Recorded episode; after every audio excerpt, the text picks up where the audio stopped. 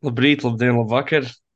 Jūsu austiņās atkal ir uh, podkāsts ar nosaukumu Eiropods, epizode numur 43. Uh, šajā epizodē tad, uh, turpināsim Eirolandes sezonas preview, un šoreiz runāsim par pagājušās sezonas deviņām vadošajām komandām. Mans vārds ir Kristians Dilants, un ar mani kopā joprojām ierastie kolēģi Valsts Nikītins un Alberts Strautiņš. Sveiki, vīri! Čau, čau. Čau, čau. Uh, iesākumā varbūt uh, gribu nedaudz uh, parunāt par, par Eiropas, kas startēja vakar.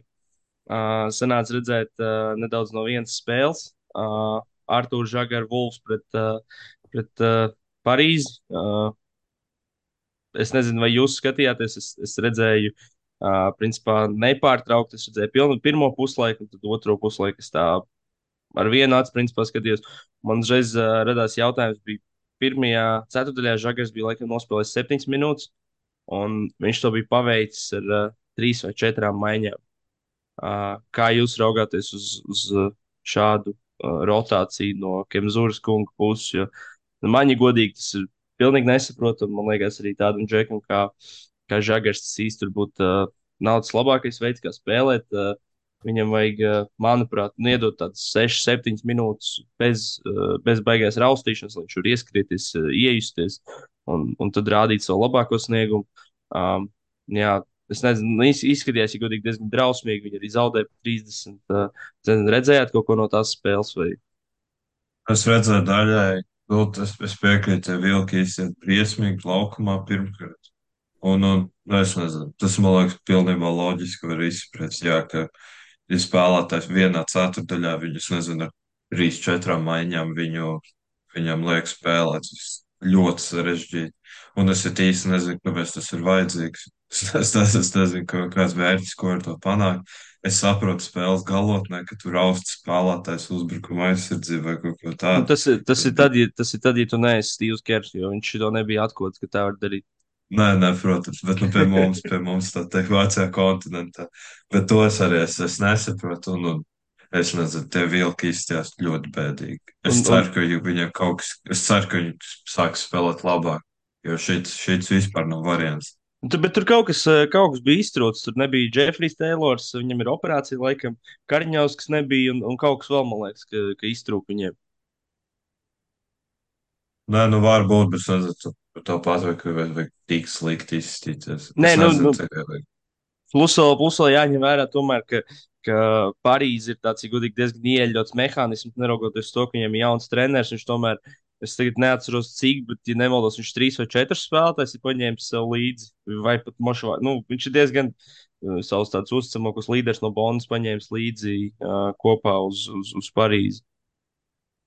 Un, un plus vēl ar, ar visām tām rotācijām, kas man liekas īsti neiet kopā, uh, neliekas kopā tā puzlīte, ir tas, ka pirms spēles uh, ir tās treneru intervijas, un tur Kemzūrs stāstīja, ka, ka mūsu mērķis šajā spēlē ir tur bremzēt uh, pretinieku, tur ātrās pārējas, vispār likt viņiem spēlēt lēni un tā tālāk. Un man arī liekas, piemēram, ka tu vari tik daudz, tik bieži rotēt un, un mainīt spēlētājus, uh, nu, likt, liktos loģiskāk tā darīt, ja, ja tu spēlē ātri, uh, kurš spēlētājs teorijā varētu ātrāk nogurt. Un, un tā ir viena lieta, un otra lieta bija tāda, ka Uh, es biju pāris situācijas, kur, uh, kur teiksim, viņiem bija tāda pusātrā pārēja, un tur varēja redzēt, vienkārši, ka, ka Žagars jūtas tāds gudīgi, tā kā drusku ierobežots, ka viņš pat, uh, nu, principā piebremzētu uzbrukumu vietās, kur viņš, uh, domāju, Latvijas izlasē būtu vienkārši gājis līdz galam, jo tur bija, nu, redzējās, ka ir kaut kāda pāris brīvu koridoru, un to aizsardzību varēja diezgan, aizsardzība vēl nebija nostājusies, un tur varēja diezgan samērā vienkārši šķiet arī, arī izrausīt to visu. Kā, Uh, Pēc pirmās uh, spēļu dienas man ir uh, ļoti daudz jautājumu par Kemzūras kungu, bet uh, varbūt noslēdzot par Eiropas, tad uh, šovakar arī Prometējs iesaistīsies. Uh, jā, uh, kādas prognozes par viņiem? Tur es, godīgi sakot, redzot pagājušo sezonu, es joprojām uzticos. eh, Un, eh, nu jā, es nezinu, es domāju, ka viņi tāpat eh, būs viena no augšgala komandām Eiropasā un it īpaši mājās arēnā. Es domāju, ka viņi būs ļoti spēcīgi. es arī pilnībā piekrītu. Es domāju, ka viss būs ok ar viņiem. Tur, tur arī lielas treneris tomēr. Viss notiek. Es nezinu. Nebūtu, nebūtu vēl satraumēts spēlētāji, vispār nebūtu nekādu šaubu. Bet tā, tagad Es nezinu, es domāju, viss būs ar viņiem labi. Nu, nu jā, Plēfos tas, viņi būs noteikti. nu, tas, tas traumas man laikam drusku māca bažas tīri tā iemesla dēļ, ka, ka viņiem nebija tāda pilnvērtīga tā pirmssezona. Un, un it kā labi, ka pirmā spēle ir Hamburga, kas ir uh, vēl vājāk nekā pagājušā sezona, tā uz papīra liekas. Un, bet otrā uzreiz ir Bešiktašs, laikam, ja nemaldos. Tad, nu, tur, jā, es, es domāju, ka viņiem varbūt arī var nebūt tas pats labākais sākums, tīri tā iemesla dēļ, ka viņi vēl nav, nav ieskrējušies un vēl tās lomas tur nav līdz galam sadalīts. Es arī laikam piekritīšu, ka, ka tādā sezonas griezumā tur visticamāk viss būs kārtībā. Es, es varbūt nebūtu tik drošs, ka viņi būs pirmajā divniekā, kas uzreiz garantē ceturdaļfinālu Eiropasā pie šī jaunā formāta. Bet, uh, bet, nu, Jā, es domāju, ka viņiem viss būs ok. Ah, un es Nu, citu atceros vienu failu, kas uh, vakar bija translācijā. Uh, sākās tā Wolves uh, Parīzes translācija, un tur pats Eiropas bija tajā titrā ielicis, ka pagājušās sezonas formātu. To arī Madars Bergmans pieminēja, ka, ka ir kļūdiņa uzreiz jau pašā sezonas sākumā. Tad jau kopā mēs, ar. Eirolīgā mēs Tu, arī nezinām, vai par plēnu tiksim mēs informēti Yeah. uzreiz vai ziemā, piemēram. bet es domāju, par Prometēju vispār labi viņi uzvarēja tos nīknākos konkurences vīmsus Latvijas-Igaunijas līgas sākumā. Tā kā tur, es- jā. Un vakar, ja nemaldos, to Parīzes spēli viņiem arī īsti ar uh, tablo nebija viņiem aizgājis līdz galam. Jā, Tas tas bija sākumā. Jā. problemātiski, ja pirmajā ceturdaļā laikam nebija īsti piešķils līdz galam. Bet, nu, labi. Nu, man vēl interesē, piemēram, ja kā gan Parīzes, gan Vilki, gan, gan arī tāds Prometējs ir, ir diezgan konkrēti pateikuši, ka, ka viņa tāds lielais mērķis ir Eirolandā, kurai komandai tas tur ātrāk sanāk, kurai nekad nesanāks. To mēs, protams, redzēsim. Bet uh, uh, interesē, kur viņi, piemēram, spēlētu. Uh, tādā gadījumā, ja viņi tiktu Eirolandā, jo man liekas, šī arēna bija šaubos, viņa atbilstoši Eirolandai. Es zinu, ka viņi vēl spēlē uh, tajā Akora arēnā, kur, man liekas, bija uh, Francijas čempionāta All-Star Games iepriekšējos divus gadus. Uh, tur viņi bija kaut kādas, man liekas, viņi spēlēja pret Monako un pret Vembiju. Viņi tur spēlēja pagājušā sezonā. Un vēl, ah, nē, pret Vembiju, vai tik viņiem nebija šajā te uh, Rona Garustie stadionā, kur tenis notika. Nu, respektīvi, tur, labi, tas nav, nav tik būtiski, un, un viņiem vēl jānonāk līdz Eirolangai. Es laikam piedāvāju ķerties klāt pie uh, pagājušās sezonas devītās vietas. Vitorijas. Baskonī. Uh, pagājušā sezona Latviešiem tā bija uh, viena no divām no, nominālas papīra interesantākajām komandām. Šogad tā vairs nav. Uh, viens no cilvēkiem, kurš ir devies prom, ir Artur Kurts. Uh, lielāks lomas meklējumos viņš ir pārcēlies uz Grieķiju. Uh, arī spēlēs, uh, nemaldos, uh, Champions League. Man liekas, ka jā, jā čempionu līga. Jā, um, arī it kā bija. Es teiktu, ka, uh, kā mēs arī pagājušajā sezonā runājām, laba sezona. Pirms sezonas mēs viņus likām krietni zemāk. Šogad tā uz, uz acis uzreiz liekas, atkal, ka viņi būs drusku zemāki, tomēr, principā, tika zaudētas komandas smadzenes. Es tā gribētu teikt, Darījus Thompsons. Un, un man nešķiet, ka viņš ir aizstāts ar, ar pienācīgiem, ar pienācīgiem aizstājējiem, ja tā var teikt. Jo, Gaudijs Millers McIntyre ir, piemēram, viņš ir uh, diezgan pieredzējis, ja nemaldos, viņš, viņš nav nekāds jaunais, un, un viņš arī spēlēja pagājušajā sezonā uh, uh, no Turcijas Superlīgas izkritušajā Gaziantepā. Mm, jā, nu, nu, viņš nav nekāds jaunais, un viņš tagad būs uzreiz Eirolandā. Uh, nu, okay, kaut ko, kaut ko gan jau viņš varēs izdarīt, bet noteikti ne tādā līmenī kā Thompsons, manuprāt. Uh, Mēnījons arī ir, nu, viņš nav, es domāju, tik izteikts veidotājs. Viņš vairāk tāds uh, amerikāņu tips saspēlnieks. Man patīk uz sevi paņemt, nodriblēt 20 no 24 sekundēm. Un, jā, uh, kas jums varbūt piebilstams? Zinu, ir vēl spēlētāji, kurus kur es nenosaucu. Gan, gan, no, aiz, gan no aizgājējiem, gan no tiem, kas pienākuši klāt. No aizgājuma pirmkārt Rokas Giedraits, ka es pieņemu, ka viņi paši gan jau būtu gribējuši noturēt. Es pieņemu, ka es nezinu, vai piedāvā vairāk naudu vai ko, bet uh, viņu arī devās prom. Un man uh, nedaudz pārsteigums, ka Daltons Homes ir bez līguma joprojām, bet viņam, cik es sapratu, bija kāds traumu problēmas vai kas, jo viņš man, man likās, ja sezonas sākumā nesapratu, kur, kur viņš tad vispār atraduši, tad es nezinu, beigās man viņš likās diezgan ok un nedaudz nedaudz jādīvēt, ka viņš nav te vai arī nav citu darbu atradis. Bet es teiktu, ka viņu aizvietoja ar, ar Grieķu Rokovopolis, kas gan jau, es nezinu, arī būs, tā, būs līdz normāli, normāli aizvietoja viņu. Un, un Čim Monēka interesants papildinājums arī atgriežas Spānijā pēc, pēc sanāk, vienas sezonas pārtraukuma. Un, ja es nemaldos, viņam ACB sezonas sākumā diezgan solīda statistika bija kaut kas ap double double. Un, Tu pateiksim precīzāk. Jā. Nu, viņam viņš, viņš bija diezgan, diezgan ok. 11,3 acis un 9,3 bumbas un 3 piespēles, 3 spēles vidēji. 25 minūtes laukumā, 61% no spēles, 50% trojkā. Tas nozīmē, ka viņš viņam kāds divs ir izmetis un viena ir iemetis. 73,3% sodu metiens. Bet par Monēku runājot, es neatceros, kas viņam bija pirmā sezonas spēle. Pret Rio Breogan uh, sezonas pirmā spēle. Es to spēli ieslēdzu, paldies GO3, ka to spēli viņi izvēlējās rādīt. Un, un es kaut kādā brīdī uzreiz nesapratu, ka tas ir Monēka, jo pirmkārt viņš ir Andersais, kā garais. Viņš ir zem diviem metriem, viņš ir tāds, teiksim, nigēriešu Andrejs Gražuls. Bet es pat teiktu, vēl drusku kustīgāks. Un, un pat tajā sākotnēji likās, ka es skatos uz kaut kādu trešo numuru, kur es esmu palaidis garām, ka viņi parakstījuši. Viņš tur no ārienes ar driblu vispār nekautrē, nekautrējās apspēlēt. Uh, un tā, ka ne jau tur uz pretkustību aiziet garām, reāli tur kaut kāda crossovers ar kājām. Nu, tā tiešām konkrēti ar driblu apspēlēt. Jā, uh, viņi bija tā interesanti redzēt, tīpaši pēc, tam, pēc tā, ko mēs bijām redzējuši viņa izpildījumā Monako. Atgādināja drusku to man Rēsis Monēku, kas bija MVP un tā pa lielo pieteicis sev uz Eiropas basketbola skatus. Un ekrunājot vēl nedaudz viņam. Žēl, ka devies prom no Monako, jo, jo Maikam Džeimsam viens viņa, es negribu teikt pudeles brālis, bet nu tāds čom, čom, čoms izklaidēs, vien, viens ir pazudis, diemžēl, jo es nevaldos ar Monēku, viņi diezgan regulāri kaut kur, kaut kur bija izgājuši ārā. Tā kā par to arī Maikam Džeimsam noteikti žēl, žēl par šādu notikumu pavērsienu. Es domāju, es domāju, ka arī, arī Monako Tinderī vairs nav tik uh, karstas aktivitātes, kopš Čīma ir devies prom. Jā. Bet uh, īstenībā varbūt paturpinot par, uh, par tiem, kas ir aizgājuši prom, kas man liekas ļoti, ļoti random. Maks Heidegers ir ticis pie treniņu nometnes līguma ar Čikāgas Bulls, kas ir. Es nezinu, es vienkārši nezinu. Nu, ne, nu, Ļoti, es, ļoti, interesanti.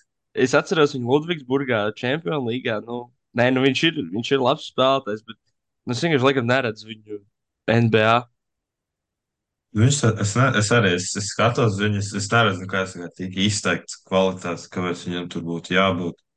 Es nezinu, es par to pašu Plus- mēniju. Es ne, nedomāju, ka viņš ir labāks kaut kādā veidā. Plus Ha- Haidegers arī bija Andersons, ja nemaldos. Viņš nav, nebija tas lielākais izmērā. Jā, Nu, Armēnijas apsveicam pilsonis. Armēnijas pilsonis Stevens Inoks ir arī spērs solīt zemāk. Es īstenībā arī tā dīvaini, man liekas, viņam kaut kas nesalikās. Uh, jo, principā, tas nāk, viņš bija vēl sezonu pirms Kotsāra. Viņam tur tas sākums bija ok. Uh, tad viņš notraumējās, tad viņš atgriezās atpakaļ.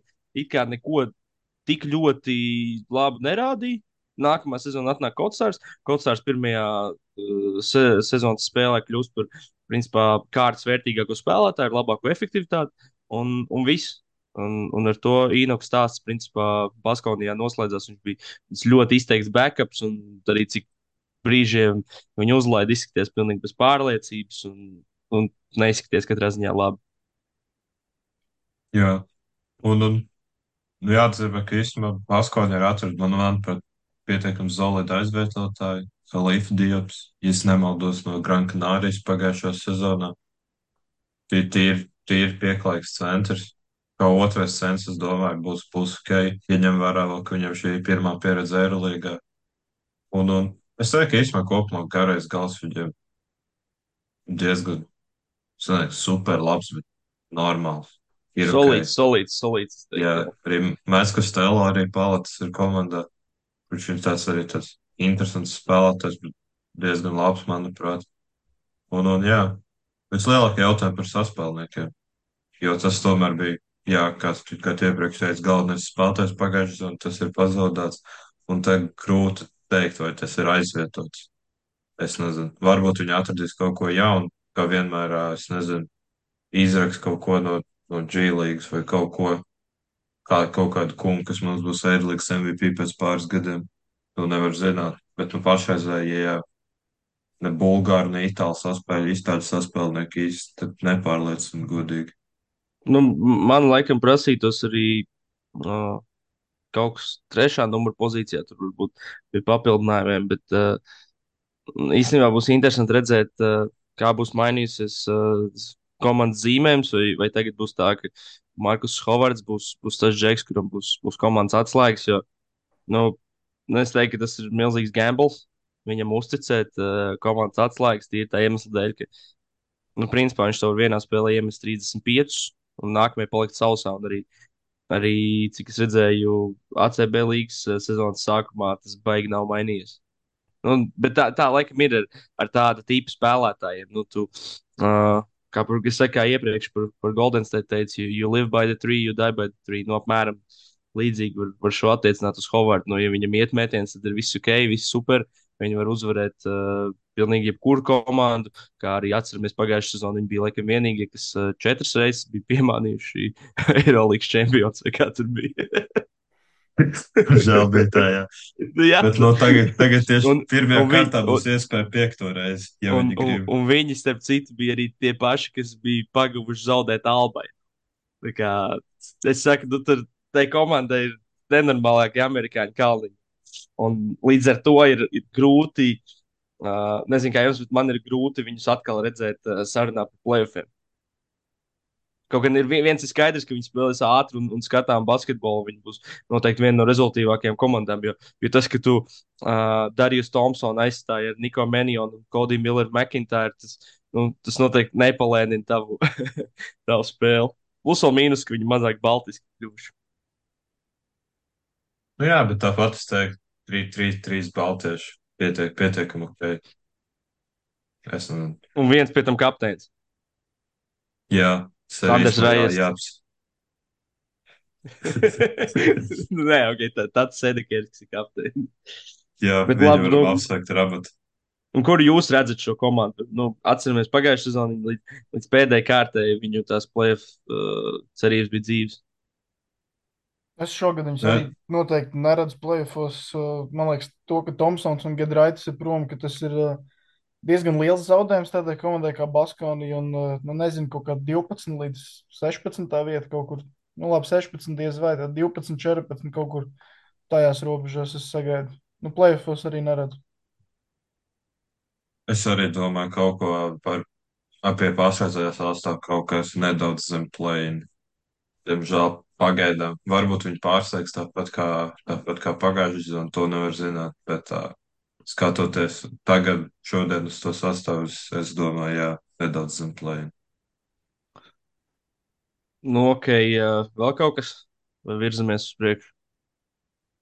Es domāju, varam priekš uz uz Tad pārceļamies uz, uz komandu, kas šogad atkal Latviešu līdzekļiem varētu būt interesantāk, kur, uh, kur Arthurs Žagars vasarā, nu kādā vasarā, septembrī, man liekas, parakstīja līgumu. Uh, Stambuls Fenerbahčs, viņš izīrēts uz, uz viņas vilkiem, kā jau runājām. Uh, pat nezinu, ar ko lai sāk pie šīs komandas. Gribās uzdirsti tūdim, bet uh, paturēšu to pagaidām pie sevis. Uh, jā. Nē, Nu, kontekstam, ja mēs- kontekstam, kontekstam, vienkārši kāpēc man gribās uzdirst tūdim. Ir. lai, lai, nav, lai nav tā, ka es pamodies un izvēlējos vardarbību. Uh, viņš vienkārši ļoti atklāti mēdījiem stāstīja, ka viņš nevar sagaidīt, kad Krievijas komanda būs atpakaļ. es Nē, nezinu, tu- kam tas, kam tas vajadzīgs. Mēs, uh, principā, skatāmies šobrīd uz uh, otru interesantāko Eirolandes sezonu. No tādā, es nezinu, kā, lai, kā labāk šo vārdos ieteikt. Uh, domāju, šīs pagājušā sezona un šī sezona, vismaz ievadā solās būs fantastisks. Bez tiem pretīgajiem klubiem. Nu, jā, Jā. jā. labi, tā īstenībā kopumā to tur, turku komandās problēma. Jo viņi es Jā, nemanāšu. bet viņš jau grieķis. Nu, viņš jā, bet nu, naudu turki maksā. Agrāk Krievi maksāja. Nu, jā, jā, jā. Nu, labi, tādā ziņā es sapratu viņa pozīciju. Nu, ja godīgi, piemēram, ja man būtu iespējas viņa preses konferences, viņam gribētu vienkārši pajautāt. Nu, Uzdirst, godīgi. nē, nu, nē, es, reāli, es gribētu pajautāt. Vienkārši, nu, konkrēti. Ne, ne jau pat viņa nostāja, bet vienkārši kā viņš jutās par to. Un es zinu, ka noteikti būs atbilde, ka šis Vatūtīna kungs jau neiet un nevienu nešauj. nu, jā. Apmēram. nu jā, bet nu, labi. Tad, Labi, jāatgriežas pie basketbola. Jā, jā, man- bija- Man uzreiz jautājums, kā viņiem tur ir beigusies tā situācija, ir, ka Latvijas visu laiku tur runāja, ka gribi, negribi, bet sastāvā ir spēlēs, nespēlēs, kā tur beigās ir ar viņu. Viņam pagāja, viņam pieteikti tā te, kā uh, tagad moderni visiem, ka visi brauc uz Turciju pārstādīt matus, tad viņam vēl, viņš vēl gaida rindā, viņam ir pieteiks, tas, tāpēc viņš pagaidām paliek. Nu, tur īstenībā, ja godīgi, tiešām viss ļoti neskaidrs. Jo, jā, jā tur tika ziņos, ka viņš nespēlēs, viņš atkal pēkšņi pēcsakarā parādās pārbaudas spēlēs. Gan jau, es nezinu, ne tā Ja godīgi, dēļ, vai kāpēc. Ja godīgi, Milzīga ā, neskaidrība. es arī vasaras gaitā biju dzirdējis no, no Fener puses, ka, uh, ka, ka, šitais, ka Latvijas būs šeit projām. Uh, bet, uh, cik es saprotu, tā reāli netu trauma diezgan daudz ko mainīja. Un, vispār runājot par, par Feneru organizāciju, atgriežoties vēl nedaudz pie šī Krievijas jautājuma, redzējāt, parādījās ziņās virsraksts, ka, ka Artūrs Žagara Fenerbakšs, ar kuru viņš tikko parakstījis līgumu, spēlē pārbaudas spēles Krievijā. Es uzreiz interesējos, kāda varētu būt tā situācija nākamā sezonā, kad viņš visticamāk tur būs, vai viņam liktu braukt, vai, vai kāda varētu būt tā situācija. Un es, kā man teica, ka tad Fenerbakšs varētu būt diezgan saprotošs, jo, piemēram, viņiem ir, viņiem ģenerāla menedžers ir tas uh, turku džeks, aizmirst, kā viņu sauc, bet, bet nu, principā visas uh, basketbola operācijas, visus sainīgus, visu pārvalda Itālijas Mauricio Gerardini. Viņš šajā jautājumā ir diezgan principiāls un uh, viņš uh, nedavās līdz komandai uz Krieviju. Uh, vienkārši pateica, ka viņš nebrauks un, un neviens baigi neiebilst. Bet nu, okay, viņš atkal ir pavisam uh, citā pozīcijā, kā varbūt ir Žagars. Uh, un vēl viena interesanta lieta par šo Gerardīnu kungu. Viņš, uh, viņš uh, Fenderā, ja nemaldos, jau desmit gadus. Un viņš uh, desmit gadus dzīvo Mērijot viesnīcā, tur uh, netālu no arēnas, godā piedzoju. Uh, maksā 110 eiro par nakti, un uh, viņš visu laiku krāja tos Mērijot punktus, un viņš laiku lidos starp uh, Stambulu un Trevizo. Un uh, viņam sanāk tā, ka viņam visi tie lidojumi pa brīvu, jo viņš vienkārši sakrāja nenormāli daudz tos punktus, dzīvojot viesnīcā. Lai viņš maksā 110 eiro par nakti, tas bija bijis uz 3000 mēnesi, un cik es saprotu, viņi tad tas kontrakts ir 25 mēnesi. Tā ir labs Jā. deals viņam. Su prieks, ka par kungu. Es Jā. varam apsveikt. Viņš labi, viņš labi iekārtojies. Bet es, es, es, bet es kopumā par to žāgaru un krievijas jautājumu, to, to par to spēlēšanu, tajos turnīros vai pārbaudas spēlēs. Es īstenībā diezgan drošs, ka viņam atļaut tad nebraukt, jo, jo tas man liekas arī ir komandas interesēs, ka viņi spēlētāji, es nezinu, pārstāv izlases vasarā un žagaram, ja viņš, piemēram, aizbrauktu nospēlēt kādu spēli tur, tad cik es saprotu, pēc Latvijas likumiem viņam durvis uz izlasi ir ciet uzreiz. Ja viņš nu, i- nospēlē kādu i- i- spēli tu- Krievijā. Problēma ir tāda, ka Itūda kungs varētu nesaprast, kā pie krievu draugiem nespēlēt. Viņš taču tik, tik uh, skaisti uzņem visu tādu furšetu saklāju, vēl kaut ko, viss kā pie cilvēkiem. Nē, nu jā, arī Tūda kungs. Tas, kungs varētu jautājums. jā. Bet labi, labi, varam beigt šo tēmu, atgriežoties pie basketbola. Uh, es varu uzreiz pateikt tādu hot take. Uh, Es man tikko iešāvu prātā, es to neesmu tā līdz galam apdomājis. Es vienkārši šobrīd redzu to sastāvu uz papīra. Labākais garais gals līgā. Tas ir kā jautājums, kas, kuram es sliecos, laikam, drusku piekrist, bet man ir uzreiz eh, jautājumi par, par tām minūtēm un, un to izmantojamību. Jo, jo, piemēram, eh, es redzu, kā var spēlēt, piemēram, Šanlī un Motlīs kopā, vai Motlīs un Papa Jānis, bet es īsti neredzu, kā var spēlēt Šanlī un Papa Jānis kopā. Kaut gan it kā abi var iemest, bet viņi, man liekas, viņi ir pārāk lieli un pārāk mazkustīgi aizsardzībā. Jā, nu droši vien vajag motliju, lai ir uh, viens kustīgs garais arī. Bet plusā, plusā paliek uh, Nigels Heis Devis, kurš ir, uh, labi, viņš arī trīs var spēlēt, un tad vēl klāt Neits Stīna, ko mēs redzējām arī Rīgā pagājušajā sezonā pret Prometēju, tur telekomā bija tāds ceturtais numuriņš metējs. Mm, Es domāju, ka viņam iespējams no šiem pieciem garajiem, neskaitot, protams, talantīgus turku spēlētājus, kuriem vispār neredzu minūtes garajā galā šajā, šajā modelī. Nu, Es pieļauju, ka Sestīna varētu būt iespējams mazākā loma no šiem pieciem. Man kopumā īstenībā viena lieta, kas man liekas interesanta, skatoties uz viņu sastāvu, to, ka, ja mēs atceramies pagājušajā sezonā playoffs, Dešons Piers un Nigels Heis Deivis mauc pa 40 minūtēm ap divu. Tā, cik es saprotu, skatoties sastāvu, tas ir principā ilgtermiņa plāns viņiem šādā veidā arī turpināt. Tā vismaz es pēc sastāvu varu nolasīt. Jo principā tajās pozīcijās, jā, Sestīna ir vienīgais papildinājums, un, un viņš arī Viņam, ja es nemaldos, šī pirmā pieredze Eirolandā ir. Jā, jā, un viņš, viņš ir rookies. jā, tu man īsti, viņiem ir ļoti daudz gārdu, manuprāt. Labi, ne ļoti daudz, sanāk, pieci. Un labi, tas turks varam neskaitīt, pa lielam pieci. Un tad, jā, tad trešo, ceturto numuru pozīcijās pa lielam divi, trīs spēlētāji atkal. Kas es īsti nezinu, vai viņi te saskēmē, ka tad, ja Nigels Heisdēs var trīs spēles nospēlēt 40 minūtes, tad viņš var arī, var arī 50 spēlēt spēles. Tā. Es nezinu, man tas plāns neliekas īsti skaidrs. Jā, man, man ir arī daudz, daudz jautājumu par, par Feneru, bet uh, viena lieta, kas, uh, kas uzreiz iešāvās prātā tajā brīdī, kad, uh, kad Artoņš Žagars parakstīja ar, ar Feneru, ir tas, ka nu, tie viņi mazie nepārliecina. Uh, ok, ka Latvijas ir ļoti labs piespēlētājs. Um, nu, viņš gan jau ir lielākā zvaigzne no viņiem. Uh, nu, ja Neto ir traumēts, to mēs neskaitām.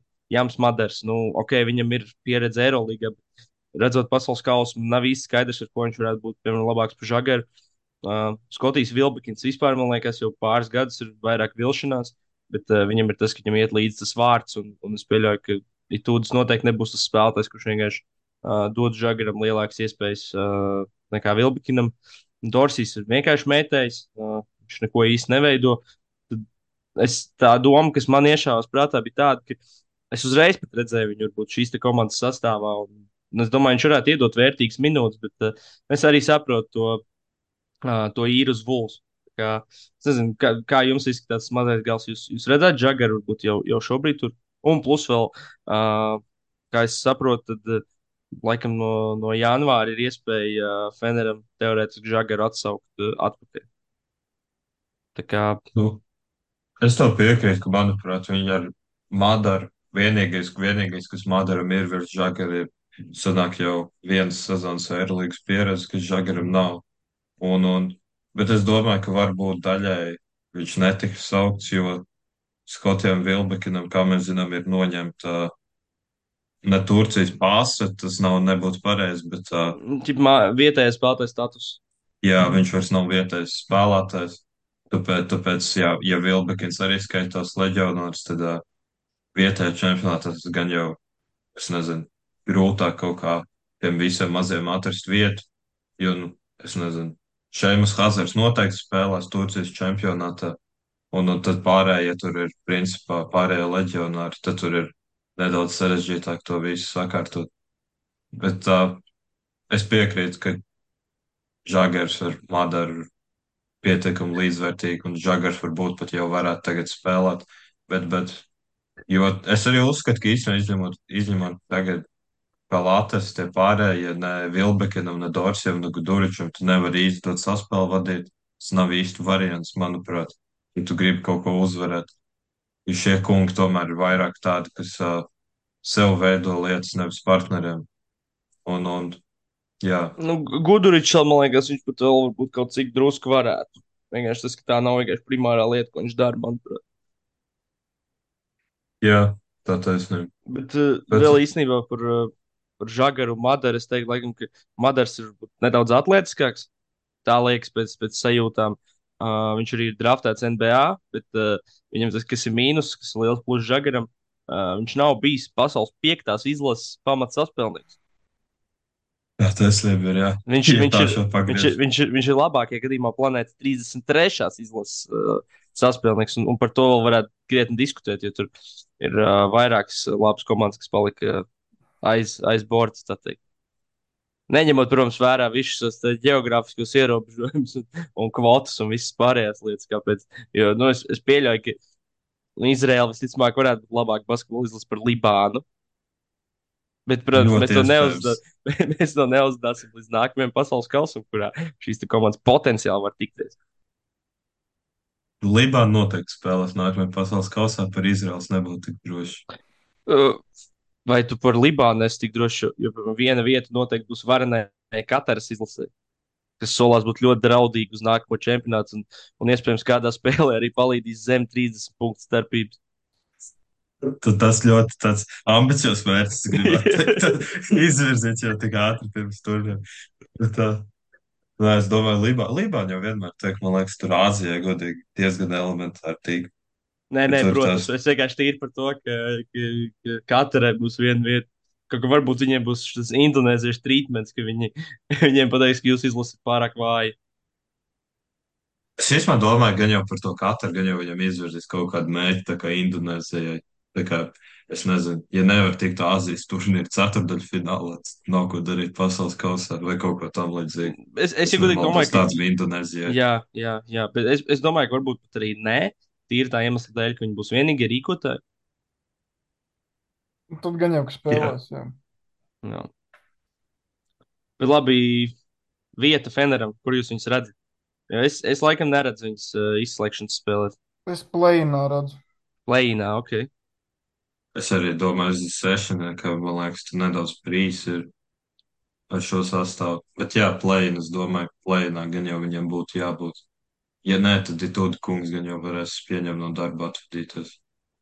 Tā vismaz es, es Starp citu, par, par aizgājušiem spēlētājiem aizmirsām pieminēt uh, Kārsena Edvards, par kur mēs runājām iepriekšējā epizodē. Mēs tieši beidzām rakstīt iepriekšējā epizodē, un Man Twitterī izmet tvītu, kur bija uh, atskats uz Edvards pirmajām divām spēlēm uh, Bundeslīgā. Viņš nemaldos ar kājas pēru grozāju, viņš met ar kaut kādiem 15%. Tā kā, nu, okay, viņam, viņam bija daudz iespējas, daudz metienu, bet, uh, ja viņš turpinās, piemēram, straglot ar procentu, kā, kā, kā Devons Halls pierādīja, ka to var darīt visas sezonas garumā, tad uh, var gadīties tā, ka mūsu prognozes par to, ka viņš varētu būt viens no top scoreriem vai progresējušākais spēlētājs vai, vai aizvadīt breakout sezonu, var nepiepildīties. Iespējams, bet, nu, bet labi, te pagaidām, man liekas, vēl, vēl nedaudz par ātru spriest par, par šito. Jānos, jādod tomēr laiks vēl iespēlēties komandām. Bajens jau arī, man liekas, bija spēlētāji pasaules kausā. Ne, nesāka tik, kā, tik agri gatavoties visu pilnā sastāvā. Tāpēc to vēl jāsastāsta, kas, kas tur būs tā virzamies tālāk. Jā, jā ja, ja nemaldos, Kauni bija septītais pagājušajā gadā. Kauni, jā, tieši tā. Beidzot arī vēl viena latviešu komanda. Prieks, ka, labi, es nevaru teikt, prie, nezinu, vai prieks, bet Rolands Šmits pagarinās līgumu. Tas pats galvenais latviešiem uz vēl trīs gadiem.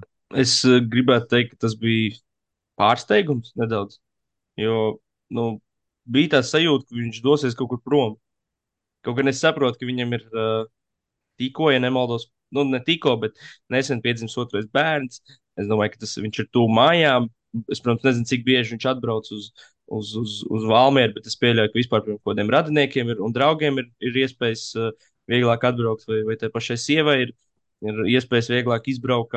Uh, viņš arī tur tajā Kaunas ezerā ir normāls tas makšķerēšanas vietas atrads, kas, kas nav mazs. Tas ir minējums viņam. vai? Nē, bija, bija, taču, bija taču kaut kur, vai tas bija basketņu uz leju versijā, vai kur bija, viņš ir atradzis bez mazliet kaut kāds random leju čoms, ar kuriem viņš kopā makšķerē. Nu, kaut, kaut kas tam līdzīgs bija. Kaut, kaut kur viņš to bija dzirdējis, ka viņš, viņš makšķerēja tur kopā ar viņiem. Tā kā tas arī ir atrisināts. Es domāju, ka arī Kaunijā ir krietni vieglāk uh, makšķerēt nekā Barcelonā manuprāt. Gan jau. Ka, Kaunijā gan vienīgais. noteikti arī grūtāk atrast spēlus.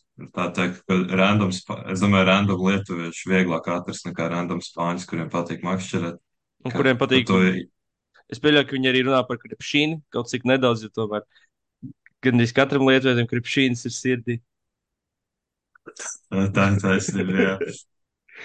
Bet, Bet cik es sapratu, Šmitam, Šmitam bija ja es, ja es pareizi atceros, par viņu inter, interesējies gan, ā, gan Makabī bija, gan Partizan. Bija diezgan daudz.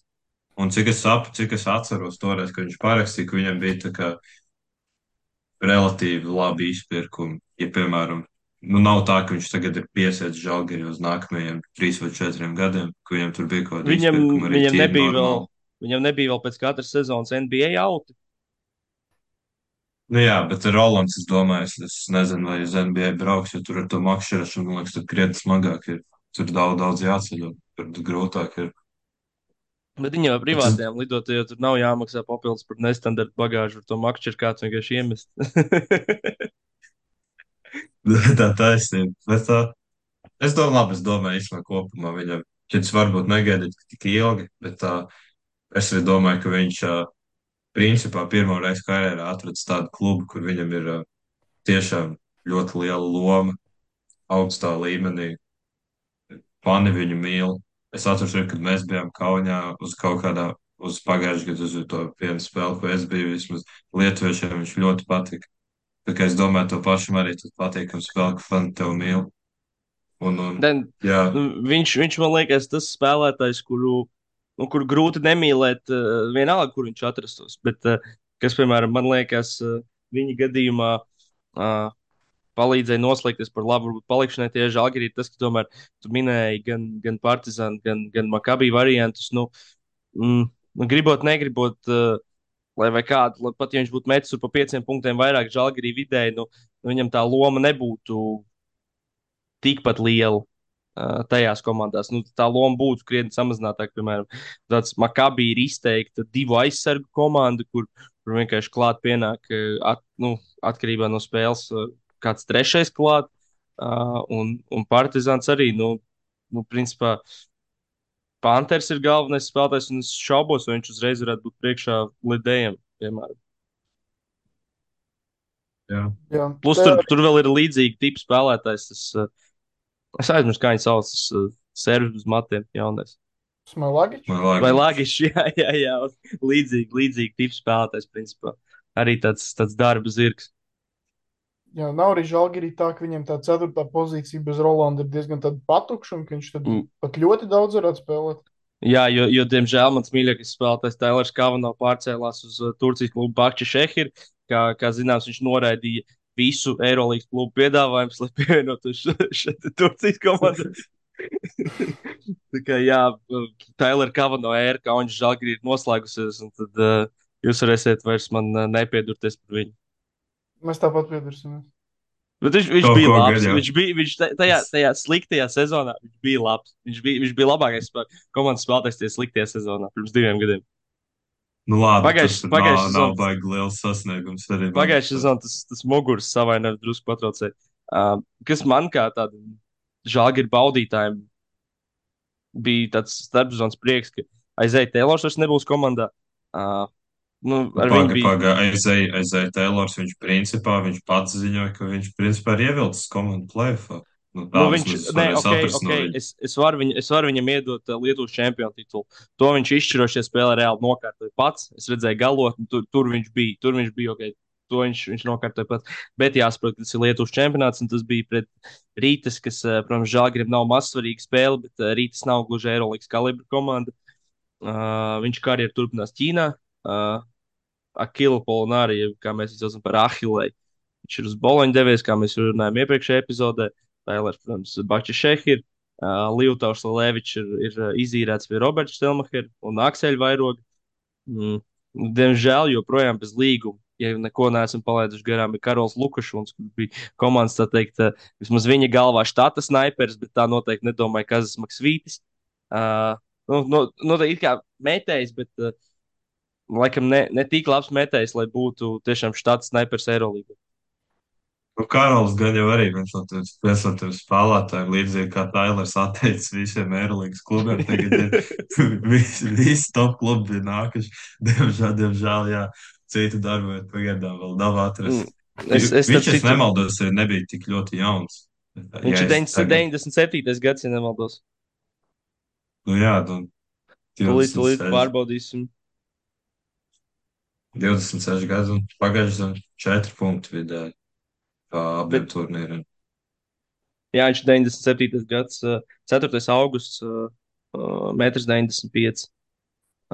Bet es vēl vienu džeku nenosaucu, kurš principā jau pirmssezonai sākoties šķita, ka paliks Kaunijā. Brasdeļi. Precīzi. Kā jūs raugāties uz? Mēs vēl tai viņa jaunai komandai pieskarsimies.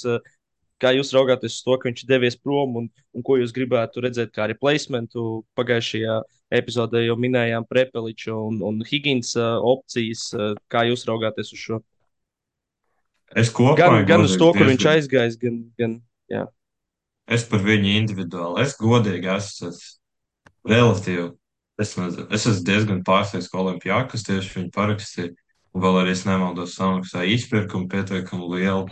Jo es arī pagājušajā sezonā teicu, un es, manas domas īpaši nav mainījušās, ka viņš īsti godīgi nepatīk. Viņš tas viens no tiem kungiem, kurš, es nezinu, uzskata, jo sarežģītāks metiens, jo labāk. Tā man viņš īsti nepatīk. Meti, metienu izvēle bija ļoti apšaubām, un viņš arī, manuprāt, īsi sezonas laikā es nevaru teikt, ka pielāgojās un kaut kādā veidā mainīja savu spēli. Un, un es, es godīgi, ka, ka žēlgi ir atbalstītājs, es tas relatīvi ne, nepārdzīvotu, ka viņš pamets komandu. Nu, te man liekas, ir, ir svarīgi, būs svarīgi tas, ar ko viņi, viņi viņu aizstās. Jo tomēr, lai arī ne tā labākā, bet viņš tomēr bija ball handling opcija labāka nekā, piemēram, Dīmša vai Giedraitis, manuprāt. Uh, ok, sezonas sākumā uh, viņi, viņiem ir opcijas, kas, uh, kas ved bumbu pāri, bet uh, būsim godīgi, Giedraitis, visticamāk, joprojām nav opcija Eirolandes līmenī. Uh, līdz ar to tev, principā, paliek tādi četri aizsargi. Uh, tev vajadzētu piekto. Nu, ko viņi arī meklē, brīvu aģentu tirgu. Tad, jā, vienkārši jautājums ir, ir, ir, ko viņi parakstīs, uh, kādā virzienā viņi dosies. Un, uh, jo, piemēram, man uh, viens no, man liekas, tādiem underrated-otākiem uh, starpzonas papildinājumiem no tādām pārējām ir, ir Nācis Mitru Longs. Uh, ja es to iepriekš esmu vairāk saistīts ar Menionu, par kur es jau pēc ACB spēlēm, ja godīgi sāku šaubīties, tad Mitru Longs šķiet varētu būt tas džeks, kuram būs uz Eirolandes skatu uz breakout sezonu. Uh, kopā ar, ar, ar Kīna Nevans, kurš ir diez, īstenībā diezgan laicīgi atgriezies. Man bija pārsteigts, ka viņš ir gatavs jau uz, uz pirmo spēli un ir izgājis pilnu uh, preseason. Es domāju, ka, ka viņi divi tā būs uh, viens no tādiem iespējams interesantākiem aizsargu duetiem uh, Eirolandā. Tieši Kīna un Evans, jā, es uh, ļoti gaidu atpakaļ, uh, jo atcerēsimies pagājušā sezonā, kā viņš spēlēja. Tas bija, uh, nu, vienkārši, viņš bija viens no top saspičiem līgā, pat varēja diskutēt, vai viņš tur nav top 2, top 3 saspiču līgā līdz tā traumē. Tā es ceru, ka viņš uh, spēs atgriezties un spēlēt līdzīgi tam līmenim, kā viņš to darīja, un uh, ja, ja tas tā notiek, tad uh, par Žalgiru mazo galvu un uh, uztraukumu vispār nav. Nu, vien, vienīgi, jā. Jā. ka problēma tajā eh, mazajā galā laikam ir tas, ka viņi, tāpat kā pagājušā zona, viņi nav ne tik dziļi. Nu jā, jāpaliek veseliem un labi jāspēlē tiem, kas ir šobrīd. Jo man liekas, tagad, kad Brīsdēķis ir mm, prom, nu, tieši tas otrais, trešais numurs, tāds spēlētājs, kas var abās pozīcijās uzspēlēt, nu, tieši tādu vienu prasās, es teiktu. Es domāju, ka viņi gan jau gaida, kad, kad NBA nometnes beigsies, tad kaut ko arī kaut ko atlaidīs. Un, un es domāju, tur arī kaut ko viņi atradīs. Un, Es, un, eh, bet īstenībā par, par gariem spēlētājiem man prieks, ka Eirolandā beidzot spēlēs mans visu laiku mīļākais NCAA spēlētājs Bredijs Maneks, kurš aizvadīja fantastisku karjeru Ziemeļkarolīnas Universitātē. Un, un pagājušajā gadā Tofas pietiekami labs cipars arī lika galdā. Un, un viņš arī Austrālijā bija. Jā, no Pēc viņa Wildcats. sagaidu, no viņa sagaidu uh, lielas lietas šos. Un, un īstenībā ir labi, ka, ka tieši viņš ir pievienojies komandai. Jo, piemēram, tad, kad, uh, līdz ar to, ka Brāzdeņš aizgāja, tad nav šis rīžās bārds iztrūkums komandā. Tev, kā, viņiem bija divi spēlētāji, tagad tā, vismaz tā pozīcija paliek aizpildīta. Nav tā, ka viņi ir tukši. Nē, nē, tas ir ļoti labi, ka šī kvota ir Un, aizpildīta. un Tur Ol- viss Olim- notiek. Olimpijā, Olimpijākus ir, ir ieguvuši otro šādu spēlētāju. Viņiem ir divi tagad, un Žalgirim viens pagājuši. Tagad vismaz pirms sezonas bija situācija, ka Žalgirim ir divi tādi, un Olimpijākus ir viens. Jā, prieks, prieks, ka šie, šie jautājumi tiek risināti. Jā, svarīgi jautājumi. tas tiešām pozitīvi. Bet, uh, starp citu, kā lietuvieši saka, Breidijas manekas. Uh, es gribēju teikt, ka viņš met trojkas tā, it kā nebūtu rītdienas. Uh, un es domāju, ka tas būs Nenormāli ātrs metiens viņam ir. Jā, jā, jā viņš, uh, viņš lādē automātiski. Uh, es domāju, ka būs ļoti interesants pērings uh, kopā ar, uh, ar Rolandu Šmitu. Viņš arī Tofašā pagājušā sezonā be, uz beigām bija viens no labākajiem Turcijas superlīgas metējiem. Viņam bija gan ļoti labs procents, gan arī, gan arī tas uh, volume, uh, jeb izpildīto metienu daudzums bija, bija gan labs. Kā es domāju, tas būs interesanti. Uh, gan viņš kopā ar Roli, gan viņš kopā ar Kevāriju Heizu. Uh, un īstenībā arī tagad, ja mēs salīdzinām ar to, kādas bija tās domas pirms pagājušās sezonas, uh, man ir prieks, ka Laurīns Birūtis sev pagājušā sezonā diezgan labi apliecināja, neraugoties uz bažām, kas, bija varbūt sezonas ievadā. Tāpēc man vairs uh, nemāc tik liels šaubas varbūt, par, par, par centra pozīciju kaunijā. Uh, jā, kaut kā, kaut kā tā. Nu, es kopumā es, es, es žāgeri redzu aptuveni, es ne, labi, aplēju kaut ko. Es nebūtu pārsteigts, ja viņi netiktu plēnā, un es arī, jā, es, es domāju, ka plēns viņam gan jau pirmssezonas mērķis, jo nevar teikt, ka viņi būtu palikuši īpaši vājāki pēc, pēc iepriekšējās sezonas, kas bija veiksmīga. Un, un jā, Nu, man liekas, ka tā nelielā problēma ar žāģi ir tāda, ka, nu, nu, būsim godīgi, lai arī viņi ir pievienojuši Maneku, uh, kurš ir rūkīs, lai arī viņi pievienojuši Nāzu Mitru Longu un, un noturējuši roli, un Evans ir atgriezies. Nu, viņi tāpat nav starp uh, 12, piemēram, talantīgākajām komandām Eirolandā. Mēs varam atrast 12 komandas, kurās ir lielāks talants kopumā. Mēs runājam tikai un vienīgi par talantu. Uh, tāpēc man liekas, tā, tā nelielā problēma ir, ir tāda, ka līga ir, ir ļoti talantīga, un, un līdz ar to tas uh, rada bāžas vismaz man, vai mēs viņus atkal uh, spēsim redzēt uh, tikpat augstu kā pagājušajā sezonā. Tā kopumā īstenībā skatoties uz sastāvu vēl viena jā, problēma, ko es redzu. Pagaidām, kamēr nav vēl kāds papildinājums, ka viņiem ir principā tikai 12 spēlētāji, no kuriem divi ir ā, Dovītas Giedraitis, ko, kā jau teicu, nav īsti Eirolandes līmeņa čeks vēl pagaidām, un Daniels Lavrinovičs, Žagar bijušais komandas biedrs, kurš Eirolandā vispār nav spēlējis, un es arī ļoti šaubos, ka viņš šim līmenim atbilst. Un tad, ja ir kaut kādas traumas, tad, tad varētu rasties nopietnas problēmas viņiem. Bet nu, par Lavrinoviču arī jāmin, ka viņš man liekas, ir vairāk, viņam nav gan garš līgums, bet es domāju, ka viņš ir vairāk priekš Lietuvas čempionāta un drusku tādā nākotnes perspektīvā, jo viņš bija.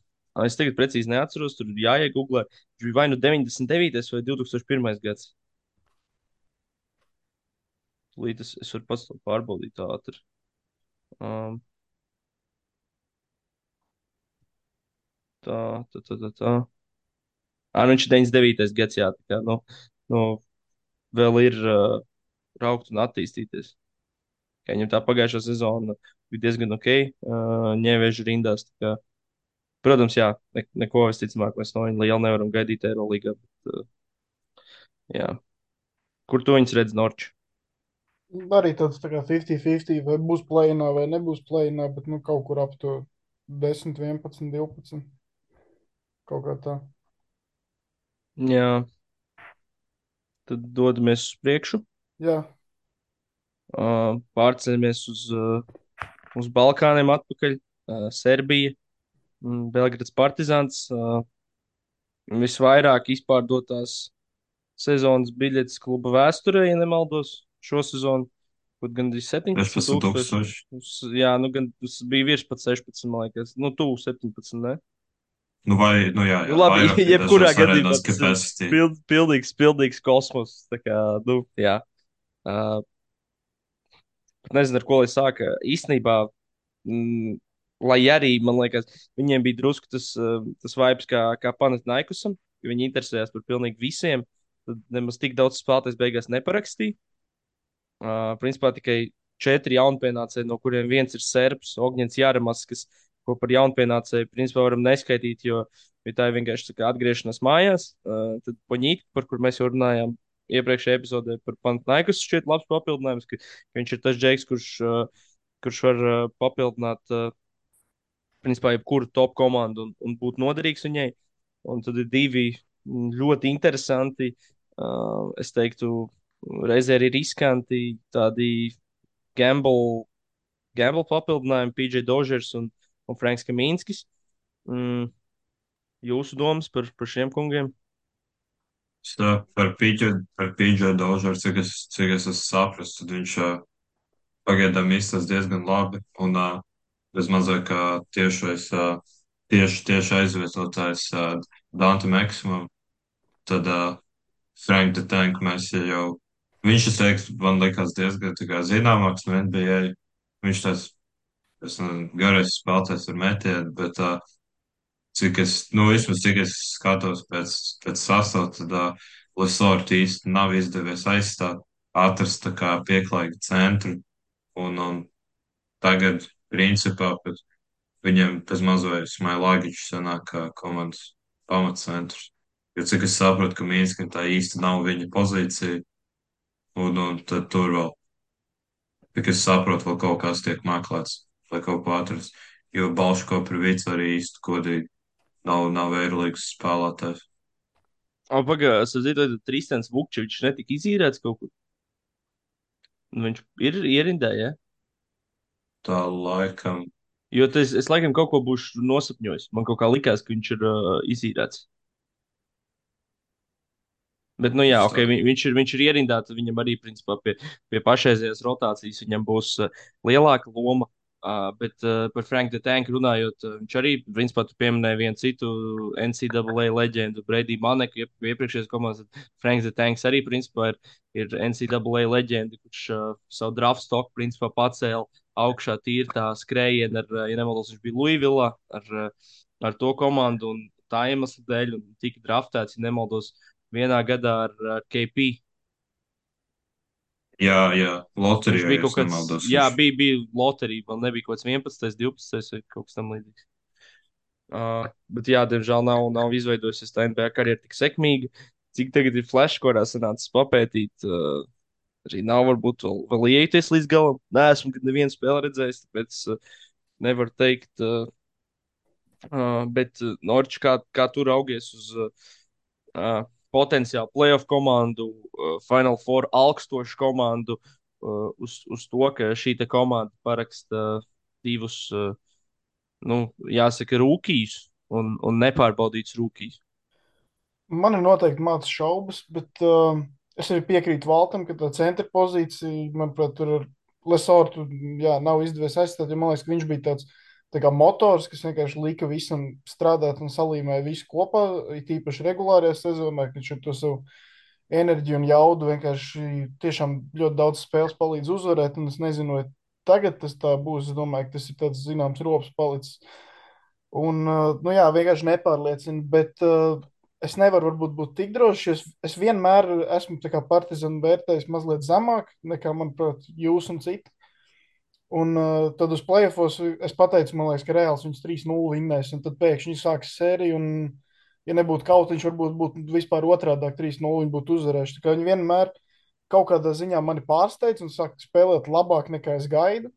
Un noteikti gan jau Žēļko noteikti ir jāpiemina. Jo, piemēram, tagad tā paskatoties, es varētu teikt tādu hot take, piemēram, ka viņi, ja man vajadzētu tā kā hot take teikt, es teiktu, piemēram, ka viņi pat plēnā netiks. Ja?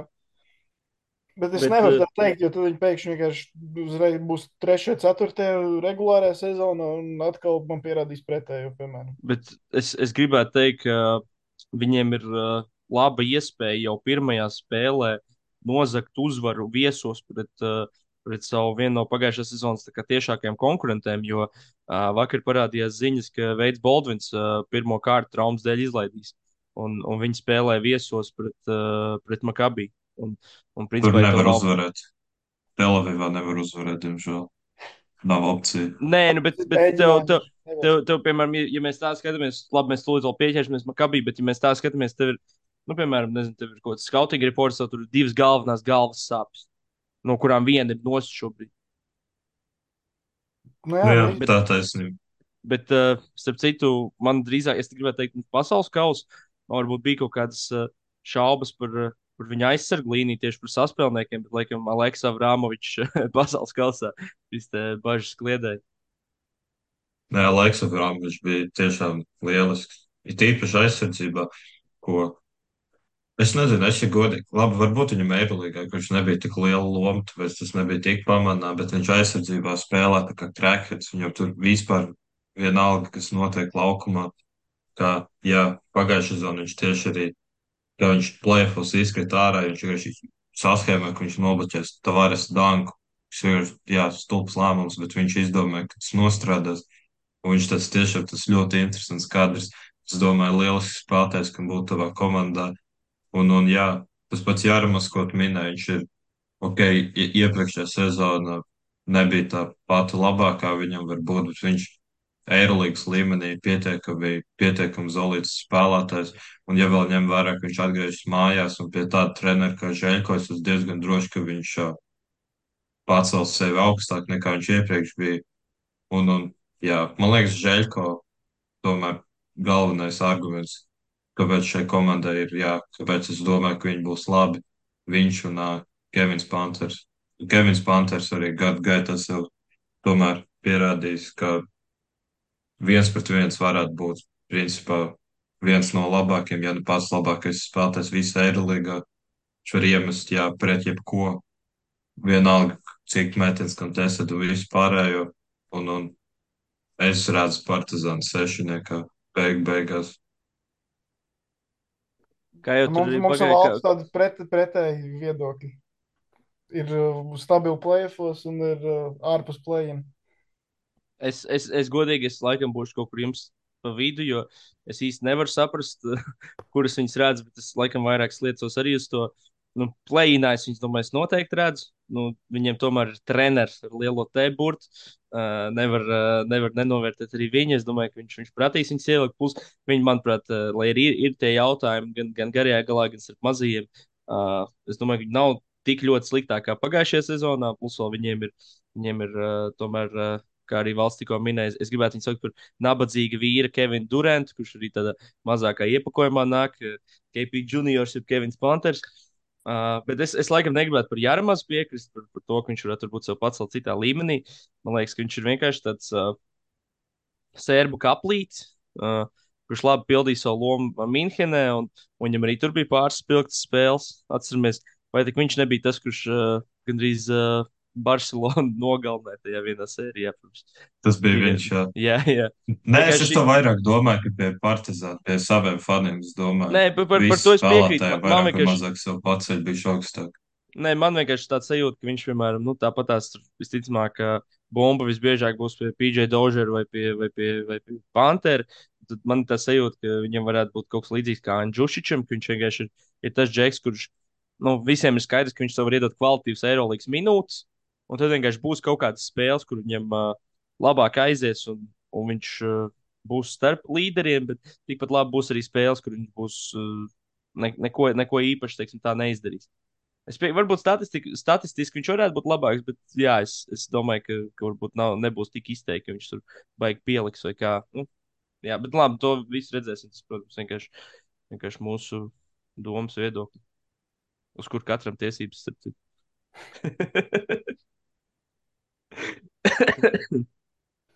Es vēl Nu, tagad sapratu pēdējā lieta par Partizānu, tam manam hoteikam, ka viņi netiks plēnā. Es biju nepadomāju par to, ka viņi spēlēs pusi no sezonas spēlēm mājās. Vai, vairāk, vairāk kā pusi, principā. vairāk. Uh, Jo būs vēl- Tagad, ja? Nu, jā, sanāk, vēl tā izbraukuma spēle pret Zvezdu būs. Uh, nu, tur gan būs Tur vairāk. nelaiž partizānu fans, ja es Nu, nemaldos. jā, bet, Tur nevar vismaz, īsti. vismaz viss tā sajūta būs, nu, neskaitot, nezinu, ieliet savus aizbāžņus, aizver acis un, nu, pēc sajūtām, gan jau gaisa temperatūra tikpat silta kā partizāna mājas spēlē. Kaut gan tas Grozi atkarīgs no tā, būs. no, no tā, cik dūmus vecs izmanto. Bet, nu, jā, Es viņi domāju, ļoti grūti. vecām viss būs labi. Tur, tur es domāju, ka šajā departamentā tur Serbijā nekad nav bijušas problēmas. Es domāju, ka tur viss, viss joprojām viss būs uz augstākā līmenī. Jā. Ejam tālāk. Jā, tad pagājušajā gadā piektajā makabī. Un, un par viņiem laikam es, es gribētu teikt, ka viņi izdarīja savu galveno uzdevumu. Noturēja gan uh, Lorenzo Braunu, gan uh, Veidu Baldvinu. Un tad, principā, mūsdienu basketbolā, ja tev ir divi šādi gārdi komandā, tad es gribētu teikt jau pusi no uzvaras. Un tas viņiem šo visu viņi izdarījuši un noturējuši arī lielāko daļu, man liekas, no iepriekšējās sezonas sastāvā. Vismaz svarīgiem spēlētājiem. No tiem, kas aizgājuši prom, man bija neliels pārsteigums, ka Džerāls Mārtiņš devās prom. Jo viņš arī bija viens no tiem kungiem, kas tika parakstīts. Es nesaprotu, kur viņi vispār tādu atrada. Viņš bija tas, es nesaprotu īsti, ko viņi viņā redz, bet viņš arī uz sezonas beigām bija pietiekami ok. Uh, diezgan, diezgan labs stretch for, bet viņi aizvietojuši viņu ar uh, James Webb. Un, uh, Es domāju, ka tur, tur nekāds caurums nav radies. Un uh, plus vēl centra pozīciju, manuprāt, pastiprinājuši ar Hasielu Rivero, kuram, jā, pirmā sezona būs Izrēlā. Un, un es teiktu, ka viņi plus mīnus, jā, palikuši līdzīgā līmenī kā pagājušajā gadā. Varbūt nedaudz stiprāk, bet tā, es domāju, bez lielām, bez lielas, kā, bez liela lēciena. Mm, man viņa likās, ja godīgi, tad viena no, no klusākajām komandām šajā starpsezonā, kas, nu, teiksim, arī gan, gan tie cilvēki, kas, kas pienāca, gan, gan tie, kas aizgāja prom, nu, tas ne, nekas tāds skaļš. Viņi, principā, vairāk nomainīja tāds lomas spēlētājs.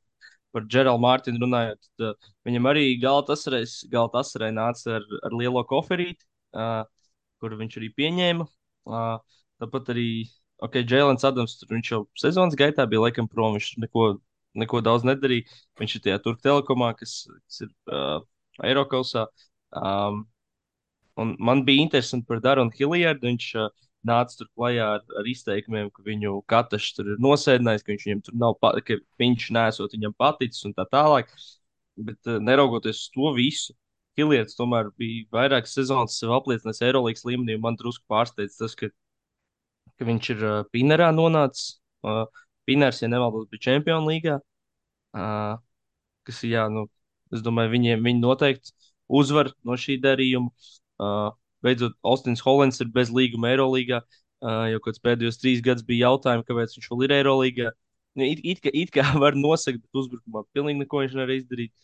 Uh, un arī Sulēmanam Braimo. Uh, viņš sezonu pagājušā sezonas gaitā pievienojās. Viņam diezgan ātri šis posms Eirolandā ir noslēdzies. Bet, uh, es gribētu. Ģipta, ka zivtu vēl piemirst. Jā, bet es, es, es, es viņa godīgi tā speciāli palaidu garām, ka nebija tā. es domāju, ka nebija vienkārši pieminēšanas vērts. Bet es gribētu ķerties klāt trīs interesantākiem spēlētājiem. Manuprāt, uh, interesantāk viņi būs varbūt tieši Latvijas sakarā. Tad uh, Hasils Rivero un Antonijus Clevelands.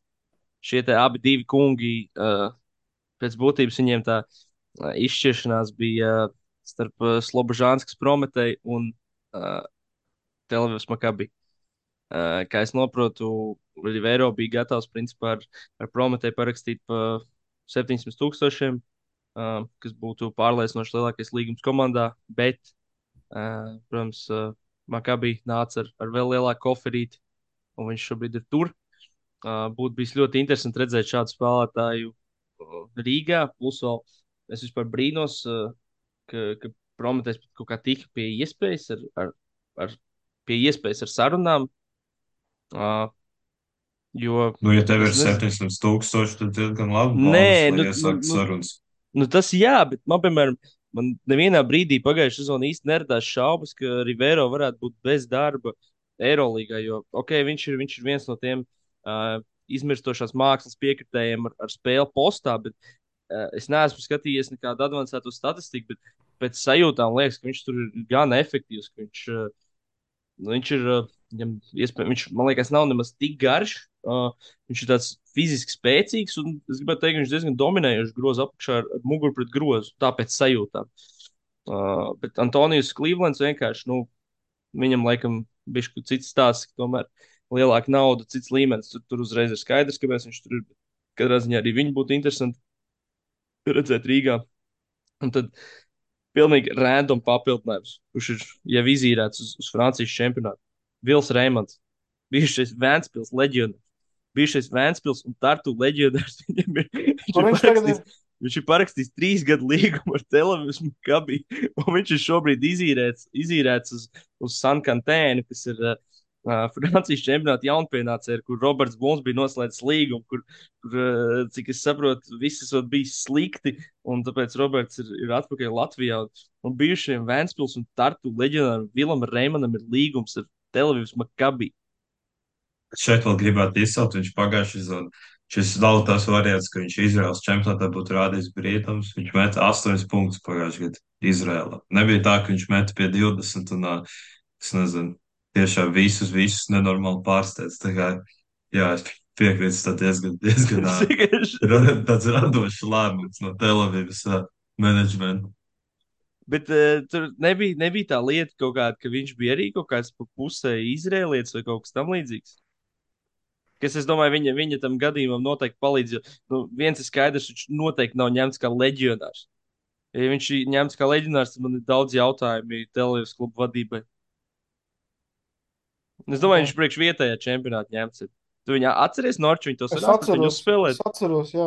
Tā, kad viņš Vēnspilī bija, tad sanāca uzspēlēt. Ja, ja es pareizi atceros, viņš bija baigais tā saucamais klients aizsardzībā. Jā, Es pat atceros, man liekas, epizodes no Latvijas Universitātes Vēncpils mačiem, kur uz 45 tiek izmest ārā bumbrēnim avotiņam. Viņš uztaisīja savu klasisko uh, uh, shot fake. Vils Rēmans, protams, izlaiž un, un caurgājis, un dunks, un divu punktus, un, un emocijas soliņi. Viss skaisti. Man ar tādas atmiņas apmēram. Man reāli es tagad, tagad pat uzzīmēju tādu mentālo bildi galvā, ka es, es to redzu vienkārši. Es, Jā. es, es nezinu, kā viņš ir. Nu, tur reāli jābūt kaut kādai. Bija, man liekas, viņam kaut kāda saistība ar Izraelu. Jo es saku, ja viņš ir ņemts kā leģionārs, tad es arī gaidu savu līgumu Eirolandā. nu, tas, nu, nu, es neticu vienkārši.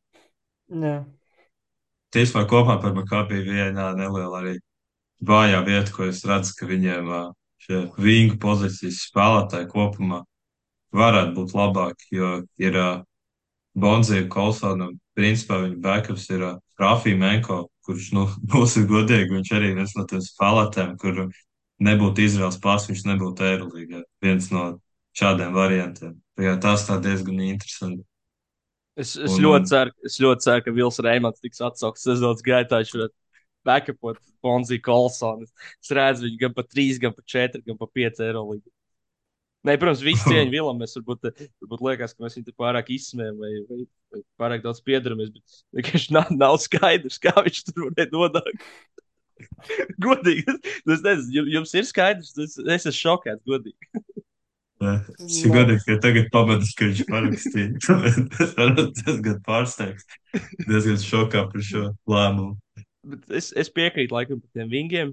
Uh, bet es domāju, godīgi, ka Bonzijam Kalsonam būs vēl lielāka loma. Plus viņš sev pagājušajā sezonā ļoti labi pierādīja. Un laikam gribētu domāt, ka tiešām, ja, ja Rafija Menko ir tāds, tāds uh, vienīgais izteiktais backups, tad uh, Anu Antonijus Klīvlands var, man liekas, spēlēt pa trīs. Uh, bet varbūt nav izslēgts, ka viņu, kā jau Makabī, parakst kādu, kādu amerikāni vai NBA kempiem. Plus, vēl īstenībā, jā, kas, kas pārsteidz šajā starpzonā, viņi ierasti uh, un vēsturiski tā ir bijusi komanda, kurai patīk ļoti daudz leģionārus parakstīt, ļoti daudz viņus mainīt. Tad šo sezonu bija tā tiešām neierasti, ka viņi tā, manuprāt, bija samērā klusi. Man liekas, tas arī ir daļai tāpēc, ka šī bija pirmā sezona. Es pat nezinu, cik gadu laikā, kad viņiem bija tiešām laba sezona, un viņi izpildīja sezonas mērķus. Jo parasti, principā, tas uh, televīzijas makabijas stāsts, es teiktu, gadus iepriekšējos, labi, ne desmit, piecus noteikti bija tāds, ka viņi paraksta veselu kaudzi ar amerikāņiem pirms sezonas. Viņiem ir milzīgas expectācijas par to, kas būs, kas nebūs sezonā. Sezona ir izgāzta, pusi no amerikāņiem atlaiž, tiek nomainīts treneris, un tad pēc tam nākamajā vasarā šis viss stāsts tā, tiek sāks no jauna. Un uh, viņiem beidzot bija tāda sezona, kur viņi bija tiešām labi.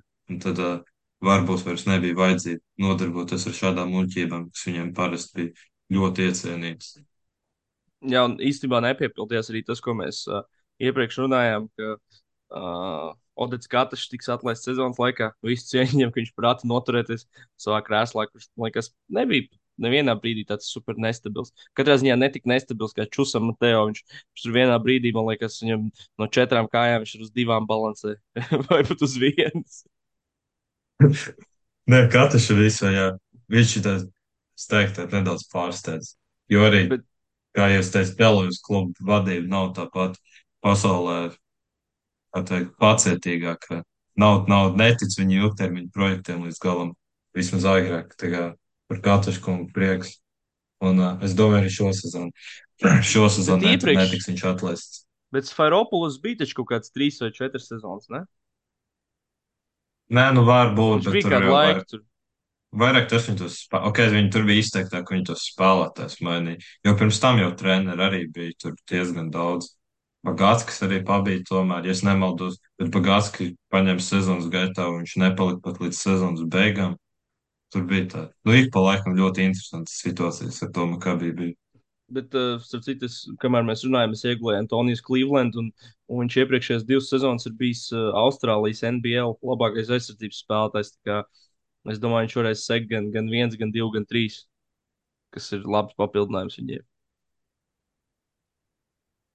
Jā, Jo arī nu, tiešām- jāgaida, jāgaida, kad redzēs šeit laukumā. Jā, jo, arī jo, pirmā sezona tomēr. vienkārši redzot, redzot šo te rotāciju, nu, es domāju, viņš tiks pie iespējām. Un pēc sajūtām, jā, tā rotācija ir krietni mazāka nekā pagājušajā sezonā. Un, un man liekas, tā mēs blāciņiem ir labs papildinājums, labs backups. Jā. Jā, piekrīt. Un arī noturēts tomēr klubu leģendas Jons de Bartolomeo, uh, Džeiks Koens un uh, Romkas Orkins. Trīs Jā, tiešām klubā. Ro- Ro- Romkam iedeva lielo somu, ne? Romkam iedod diezgan liela, Jā. jā. Vēl, es domāju, ja es nemaldos, vēl bija trīs gadu līgums vai kaut kas tāds. Tā kā Jā. apsveicam, apsveicam Romu. Un uh, ne šo komandu arī redzu sešniekā. Es domāju, tur es neuzskatu, ka viņi ir sliktāki kā pagājušajā sezonā. Un, uh, ja ne pat labāki. Un, un jā, domāju, ka viņi noturēsies noteikti iepriekšējā līmenī. Top 5, top 6. Es arī domāju, ka vēl, vēl viena līdzīga sezona mūs sagaida no Makabi. Bet uh, ņemot vērā to, cik tomēr tās, uh, tās komandas tur bija laikam piektā līdz desmitā vieta, bija vienas uzvaras attālumā. Nē, vai piektā līdz devītā, taču bija, man liekas, viens uzvaras attālumā. Un, un, uh, un desmitā bija ok, tad divi uzvaru attālumā. Vai, vai jūs nesatrauc drusku tā, tā nelielā rotācija šķietam sezonas sākumā? Ka varbūt varētu būt tā, ka, nu, ka viņi, piemēram, nezinu, noslīd uz, no piektās vietas uz, septīto vietu, kas ir nu, reāli tur vienkārši plus mīnus šo izšķīru. Viņi ir vienkārši agrs plēns, nevis uzreiz sešnieks. Jo, jo tas ir laikam tas, kā es to redzētu. Piemēram, man liekas, super nepārsteigti, ja viņi būtu augstā plēna vietā un, un netiktu sešniekā. Kaut gan es redzu viņus arī sešniekā, bet es saku, es nebūtu pārsteigts, ja viņi būtu arī vienkārši augstā plēna vietā. Tas, ka viņi būs pirmajā desmitniekā, manuprāt, ir diezgan skaidrs. Bet uh, es nebūtu tiešām tik drošs par to, par to vietu sešniekā. Jā, nu man vispār liekas, ka tur no kaut kādas tiešām trešās līdz 11, 12 vietai tur jebkādā secībā var salikt tās komandas, un tas nav beigas liels pārsteigums. Es tiešām domāju, ka tik daudz līdzvērtīgu komandu ir, un tagad arī pirms sezonas tā grūti pateikt, kuri būs mazliet augstāk, kuri mazliet zemāk. Un, jā, tā kā būs interesanti skatīties. Un Tā uh, virzoties uz priekšu, kāds no jums varbūt vēlas uh, iesākt par Barcelonu. Es tikmēr sev ieliešu ūdeni un izslēgšu mikrofonu uz 15 sekundēm. Jā, par, ā, par Barcelonu. Manā, es, protams, pat nezinu, kā lai pasaka. Viņiem tā ļoti interesanta starpsezona bija šī. Atvadījās, ā, jā, gan no treneru, gan no, jā, savas komandas apmaksātāja spēlētāja. Mirutiņš, kur, ja nemaldos, vēl joprojām notiks tiesu darbi, ja es neko nejaucu. Un, un pagaidām, pagaidām man viņi tā liekas tādi interesanti. Ja man būtu jāmin par šo sezonu, es teiktu, ka treneris Grimau varētu būt pirmais, kas savu darbu pazaudās. Pagaidām viņi izstāsta diezgan vāji. Uh, tie papildinājumi, kas ir uh, Džabari Pārkers, viņš pagājušo sezonu, pagājušo sezonu vispār nespēlē basketbolu. Ja es neko neesmu palaidis garām, viņš neuzspēlē kaut kādā līgā, kas nav flashkorā vai pro bowleros, bet tā, cik es esmu informēts, viņš nekur nav spēlējis. Un, un plus vēl, jā, samaksāja liels naudas par Joelu Pāras un uh, Brizvēls izpirkumiem, kuriem pagaidām uz pirmajās spēlēs man Brizvēla izstājās ok, un Pāra vēl neko īsti līdz galam tā nav darījis. Bet uh, Vilnius Hernandez Gomes man īstenībā sezonas sākumā ļoti nepatīkams pārsteigums, it īpaši aizsardzībā, jo viņš ir nereāls klients. Nu, tā ka pēc viņu redzējām jau divas vēl klasiko šajā sezonā. Tad, kad viņš ir laukumā, tad pretinieki dara vispār, ko viņi grib. Centri var izpausties. Un, jā, Vilnius pagaida. Varbūt viņš vēl nav vieties vai ko, bet tā aizsardzība, man liekas, viņa diezgan liela problēma. Vismaz pagaidām. Es domāju, ka arī šajā komandā tas uh, Hernandez Gomes, es domāju, ka uzbrukumā būs uh, rezultīvs, aktīvs un agresīvs. Un es arī īstenībā gaidu, ka Jabari Parkers uh, varētu uzņemties diezgan daudz un arī šo to mest. Un tādā ziņā, ka viņi varētu statistiski labi izskatīties, bet kā komanda man ir uh, daudz lielu jautājumu par to, kā tas viss līmēsies kopā. Arī tas, ka tev ir, piemēram, ja tu spēlē pa 3, 4, 5 pārkers, veselīs Hernán Gomes, tad uh, līdzīgi kā virtusā, es nezinu, kurš pa grozu var izmest no distances. Arī Džabari. Viņš, viņš es redzēju, labs, labi. pirmajā, labi pirmajā es, es redzēju pirmo spēli pret, uh, pret šo te pret uh, Hoventutu vai Žoventutu, vai sauciet kā gribat, bet nu sapratāt, sapratāt, kur komanda, es domāju, viņš tur normāli stūrī dežūrēja un, un beigās salika pāris kornetu trojks. Viņš, Nu, es, viņš ir ok. Man tieši liekas, ka viņš varbūt drīzāk varētu būt uh, reāli tāds spot-up džeks, jo Mm. tomēr es domāju, ka tas, ka tu neesi gadu spēlējis un iepriekš viņš tur ir mocies ar tām traumām, un, un arī man liekas, nu, teiksim, ja, ja mēs skatāmies uz, uz šo te, sāksim to no 2020. gada sākuma par Covid ēru, tad es domāju, ka Covid ērā es neesmu skatījies statistiku, bet es domāju, ka viņam nav neviena pilna sezona, viņam ir diezgan maz tās spēļu prakses vispār kopumā. Ja mēs tā skatāmies pēdējo četru gadu laikā, uh, tad es, es domāju, ka viņš. Uh, Pat ja viņš agrāk varbūt kaut ko varēja veidot NBA līmenī, kā Vinks, uh, varbūt ne gluži NBA līmenī, bet tad, kad viņš tika draftēts, es, es ļoti šaubos, ka viņš šobrīd kaut ko tam līdzīgu var darīt Eiropā. Tāpēc es uz viņu vairāk raudzītos kā tādu catch and shoot uh, spot džeku. mm, es viņu atceros, godīgi sakot, no tādiem uh, veciem NBA fantasy laikiem. un Tur es atceros, ka nu, man viņš tur ir bijis un tam līdzīgi. un Es skatījos, nu, troj, trojkas viņš to laiku nu, nebija tā, ka baigi aktīvi par tam domāja vai baigi regulāri daudz iemet. Tāpēc man tā atmiņā ir, ka tas tāds. Nezinu, trešais, ceturtais numuriņš, kas uh, vairāk trešais, kas tā baigi ar trojkām neaizraujas. Bet, ok, es viņu neesmu redzējis pāris gadus, varbūt, varbūt tas pamainīsies. Tikai ekspertu viedokļus esmu dzirdējis par to, ka, ja neskaita to, ka viņam tur uh, traumas, laikam mēs ielu divreiz bijis, bet, uh, ka, kā, ja tas netraucētu, ka tā viņam īstenībā, viņš, tā, viņš bijis vesels, viņš bijis diezgan uh, labi spēlējis, un tad Barcelonā viņam ir iespēja atkal vienkārši turpināt labi spēlēt, uh, ja vien viņš ir vesels. Bet tā no komandas uzbūves man vienkārši nav pārliecība, ka tas viss saliksies kopā, un uh, es domāju, ka Barcelona noteikti ir vājāki nekā viņi bija gadu atpakaļ. Uh, starp citu, viņš ir, uh, viņš ir aizvadījis uh, 38 spēles, 20. un 21. gada sezonā. 38 spēles. Man liekas, ka viņš krustens pārrāva vienkārši.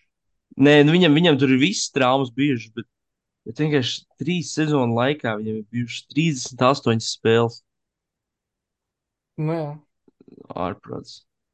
Nu, viņam, Jā, nu- viņam viņš ir viens no tiem, kurā nu, tur noteikti uzbrukuma talants. Noteikti tur ir. Jo viņš arī NBA, kad viņš, kad viņš vēl tur bija pirmos gadus, viņš meta pie 20 punktiem, man liekas, pat virs. Bet, bet es domāju, ka viņam runājot par to mēšanu, ja viņš, piemēram, nemet agrāk NBA, varbūt tikmēr, kamēr tu esi pietiekami atletisks un uh, vari visu izveidot vienkārši uzlacot augstāk par citiem vai tiekot līdz uh, grozam, jā, tad vienā brīdī, kad to vairs nevar izdarīt, tad vajag sākt kaut ko domāt, kaut ko citu darīt. Un es domāju, varbūt gadu gaitā vienkārši pielicis metienā. Jo metiens viņam bija tiešām ok. Vienkārši viss pārējais, ko viņš darīja, viņš, es nezinu, nav, manuprāt, arī vēl īsti pielāgojies. Bet labi, ok, tas arī saprotam. Bet uh, viņš tāds, es īsti nesaprotu, kāpēc viņu parakstīja. It īpaši Barcelona, tāda komanda, kurai parasti mērķis ir uzvarēt visu un visur. Tad es nezinu, man kopumā tā komplektācija rada milzīgs jautājums. Tiešām sākot jau no treneru ja tu atlaidi vienu no Eiropas labākajiem treneriem un piesaisti kungu no jauniešu akadēmijas, kurš profesionālā basketbolā kā treneris nav strādājis vispār, un sāc viņam uzreiz iedot, jā, komandu ar augstām ambīcijām, man vispār milzīgi, milzīgi jautājumi par viņiem. Es Man, nezinu, kāds ir plāns. Man sanāca aprunāties ar Spānijas jaunatnes basketbola zinātājiem. un Viņš prasīja, nu, kā viņi raugās uz, uz, uz Rodžeru Grimau. Viņš teica, ka viņš pat tajā to jauniešu komandu, ka tur nebija nekas spīdošs. Un sezonas sākums arī ACB līgā ir bijis. Uh, okay, ko viņi tur viņi pārbrauc pāri? Uh, nu, ne gluži pārbrauc pāri, bet viņi uz, uzvarēja Hoventu diezgan, diezgan vienkārši. Viņi knapi pieveica Anžēju Palensiju, kas ir principā viena no, no galvenajām pastarītēm uz, uz atgriešanos Leboro. Tad viņi divreiz zaudējuši reālumu. Kas viņiem vēl tur bija pa spēli? Vai nekas Viss trīs tikai. Ah, nu viss, jā. Un es Nu, par tiem vēl- vēl gribētu. Jā, bet es par tiem, jā, diviem kaut ko viņi zaudēja, gan ACB, gan uh, Superkausā. Tas spēles, manuprāt, pat nebija īsti tuvas līdz galam. Varbūt otrajā spēlē rezultāts ir, jā, liecina, ka varbūt tur bija tuvu, bet tās spēles bija principā bez variantiem. Bet otrajās, otrajā spēlē nebija tā, ka reāls sākumā vispār ar kāju spēru pa grozu. Un Tur pilnīgi Nu, jā, brīvs- viņi meta. brīvs nu, trīņus meta garām. Piln, nu, ļoti daudz. Nu, nu jā, nu viņam vēl, jā, reāls dāvināja. Viņam Marija Hazoņa nevar brīvs trojkas ievest. Uzmet trojkas puslaika ar 10%, un viņi tāpat bija vadībā puslaikā pret šo Barcelonu. Jā, nu veselīgi izvazāja 16-gadīgs jaunietis no Reāla akadēmijas. Un, un tā aizsardzība bija tiešām šausmīga. Nu, man liekas, tas noteikti, tas noteikti treneru jautājums. Jo arī tur pie šāras tu nevari atļauties nespēlēt aizsardzībā. Tāpat kā, ja kāds redzēja to spēli, piemēram, Tomašs Saturānskis pie četrām piezīmēm ielika ļoti iespaidīgu danku un tad sāka kliegt sejā, par, ja, par ko viņš dabūja tehnisko galotnē, ko es nevaru iztaust, ka pie šāras jebkurš darītu kaut ko tādu. Tā kā tā, jā, ja viņi gribēja mainīt treneri, tad šī noteikti nebija pasaulē labākā izvēle, ko veikt. Un es īpaši arī jā, par to pašu Mirotiču. Viņi, viņam principā uz to iet, ka viņam būs jāizmaksā viņam pilns līguma apjoms, un viņš nespēlēs pie viņiem. Tas, man liekas, pilnīgi kosmos. Milzīgi, milzīgi kļūda. Man uzreiz di divas lietas sakāmas par šo kopumā. Atgriežoties pie Džabārī Parkeras, uh, atvēru vaļā viņa basketbola referents. Uh, labākā sezona, 16. un 17. gada sezona, tā man liekas, ir, ir viena no tām sezonām, kad tādā NBA popkultūrā arvien vairāk sāka izcelties analītika. Uh, 20,1 punkts, kas ir viņa rezultātīvākā sezona, viņš tobrīd izpildīja 3,5 tālmetienus mačā ar 36,5% precizitāti. Nākamajā sezonā Milvokī jau, jau tā uh, viņa statistika krietni kritās, uh, kritās arī spēlētās minūtes. Viņš met tikai 2,6 spēlē, bet ar 38,3% precizitāti. Tā kā es pat gribētu teikt, ka ņemot vērā to, ka mm, NBA, uh, es nezinu, kāda bija tendence pagājušajā sezonā, bet, bet tā tendence kopumā bija tāda, ka, gan, gan izspēlētie roll, gan, gan izpildītie tālmetieni turpina pieaugt. Es teiktu, ka tas, ka viņš pirms sešiem, septiņiem gadiem meta trīs ap pus tālos vidē mačā, ir, ir pilnībā ok, manuprāt. Uh, ņemot vērā to, ka tas vēl nebija viņa primārais uzbrukuma ierocis, uh, līdz ar to ir varbūt kaut kādas uh, pamatotākas cerības, ka viņš Barcelonā varētu mest vairāk. Uh, pēdējos gados, jā, tur, tur gan ir, ir katastrofāli, gan, gan procents, gan arī tas, ka ir maz minūtes un, un arī tie izpildītie raidījumi ir krietni kritušies. Plus vēl tomēr jā, jāatzīmē, ka, ka trojka ir tuvāk Eiropā nedaudz uh, nestūrī, bet uh, pārējā uh, ap ārku. Un uh, runājot par tām, par tām erotiķu naudām, visām tām tiesām, vispārējo. Uh, Dario Brizuēls izpirkums kaut kas ap miljonu. Uh, Pārras izpirkums arī kaut kas ap miljonu. Uh, Hernan Gomesam līgums virs diviem miljoniem. Uh, man vienkārši rodas jautājumi, kā Barcelona kaut ko tādu spēja finansiāli pavilkt ņemot vērā to, ka arī viņi tur runāja par budžeta samazināšanu, kāpēc viņiem it kā vajadzēs šķirties no Mirotiča. Viņiem ir milzīgs problēmas uh, futbola nodaļā, kas principā arī sponsorē basketbola nodaļu. Viņi, bū, viņi renovē jaunu stadionu, kas ir milzīgs ieguldījums. Viņi grib 27. gadā uh, atvērt jaunu Palau Blaugrānu un, uh, un tur uzņemt Eirolandes Final Four. Līdz ar to man ir ļoti daudz jautājumu par viņu kaut kādām finansiālajām iespējām, un kas tur tiek slēpts un kas netiek slēpts, un, un kāpēc šāda komanda, kur uh, it kā oficiāli pat ir atzinusi, ka saskarās ar finansiālām grūtībām, var šādi vienkārši svaidīties ar naudu un izpirkt uh, iespējams spēlētājs, kas, kas nav to izpirkumu vērti. Uh, kamēr, kā jau es teicu arī iepriekš, kamēr Poloņas virtusam nāks samazināt budžetu, jo, jo viņi cenšas visu darīt godīgi un pēc noteikumiem.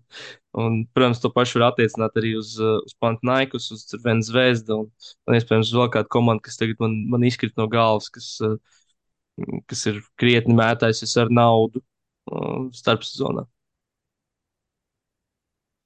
Jā, bet tā īstenībā kopumā par šo Covid es īstenībā es gaidu no Latvijas vēl vairāk nekā viņš jau rādīja. Man liekas, ka viņam šī, es gribētu teikt, viegla atmosfēra noteikti nāks pa labu, jo viņš jau, viņš jau pie šādas bija viens no retiem spēlētājiem, kam tika dot brīvību, brīvību darīt. Nu, neko, neko viņš grib, tas būtu skaļi teiks, bet tā kā varēja izpausties, es domāju, ka viņš, viņš būs viens no atslēgas spēlētājiem.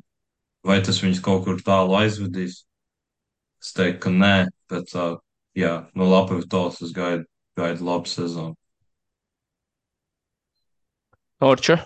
Jā, nu es arī no Latvijas gaidu, bet uh, jā, nu, kopumā man nepārliecina. Es saku, kaut kāda spēlētāja izcelsies, bet es vienkārši par to komandas sniegumu un iespējām tā teikt. Uh, turpināt cīnīties par Final Four, es diezgan apšaubu to šobrīd.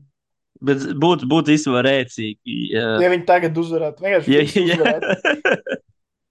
Tas būtu labi. Jā. Ieskrienās uz sezonas otrajā pusē. Visi ir sapratuši, Rodžers Gribau zīmējumu, visi dara, ko viņš vēlas, visi spēlē atbrīvoti. Uh, ātrs basketbols, daudz pikantrol, daudz tālmetienu. Gan arī visi var iemesties sastāvā. Un viņi paņem un, un paņem Eirolīgu. Tad vienkārši būtu interesanti redzēt kaut kādu šādu reakciju. Jā. Tas, tas būtu ļoti liels pārsteigums. Jo pagaid, pagaidā viņi vispār aizstās pēc tās komandas. Es domāju, godīgi, ka viņi būs plēnā. Es neticu, ka viņi būs sešnieki. Man pagaidām nepārliecina, kā jūs iepriekš teicāt. Es domāju, Grimaukungs Ziemassvētkus nesagaidīs Barcelonas treneru amatā. Tas būtu tas mans minējums. Ot, uh, es nezinu, vai es to jau teicu publiski, bet uh, uh, es, es od, nepārprotiet, man nav nekas pret viņu, bet vienkārši man šādi arī lietuviešu cilvēki no Lietuvas teica par kādu latviešu treneru paņemiežā, ka viņš arī līdz Ziemassvētkiem būs brīvs. Es, protams, to nenovēlu. Es, es nezinu, kāpēc man šo vajadzēja pateikt. Jā, es to pateicu. Uh, bet uh, jūs teicāt, ka Barcelona nebūs sešniekā, bet es gribētu doties tālāk pie komandas, kas stabili būs sešniekā. Es varu uzreiz pateikt, ka uh, man viņa ir principā viena no tādiem galvenajiem favorītiem no top komandām. Neskaitot, varbūt Žāģiru, kur, kur fano, manuprāt, katrs Latvijas un, Boloņas virtus, kuriem es joprojām cenšos ticēt. Uh, Monako, uh, Monako klubs, Svešs Brādovičs vadītais. Mm -hmm. Manuprāt, uh, ja, ja nebūtu Kemba Walkers parakstīts un nebūtu radušās šis te nelielās problēmas komandas iekšēnē, un Maikam Džeimsam nebūtu jāsāk uzdot jautājumus, es vērtētu viņu starpsezonu kā 11 no 10. Vienkārši perfekti. Uh, tagad ar Kembu ir, ir drusku pāris jautājumu. Uh, ko jūs varbūt varat par, par Monako pateikt, tā, lai, lai mums raisa, raisās tā saruna drusciņi? Es, es, ar, arī, es ar monologām moku arī, bet es domāju, tas ne, nebūtu ne, pārāk labi. Nē, es par, es par ķēmu arī piekrītu. Tas pagaidām ir uh, milzīgs jautājums, kas var pirmkārt, kas ar viņu veselību ir, jo viņam pēdējie, es pat nezinu, cik gadi NBA, diemžēl.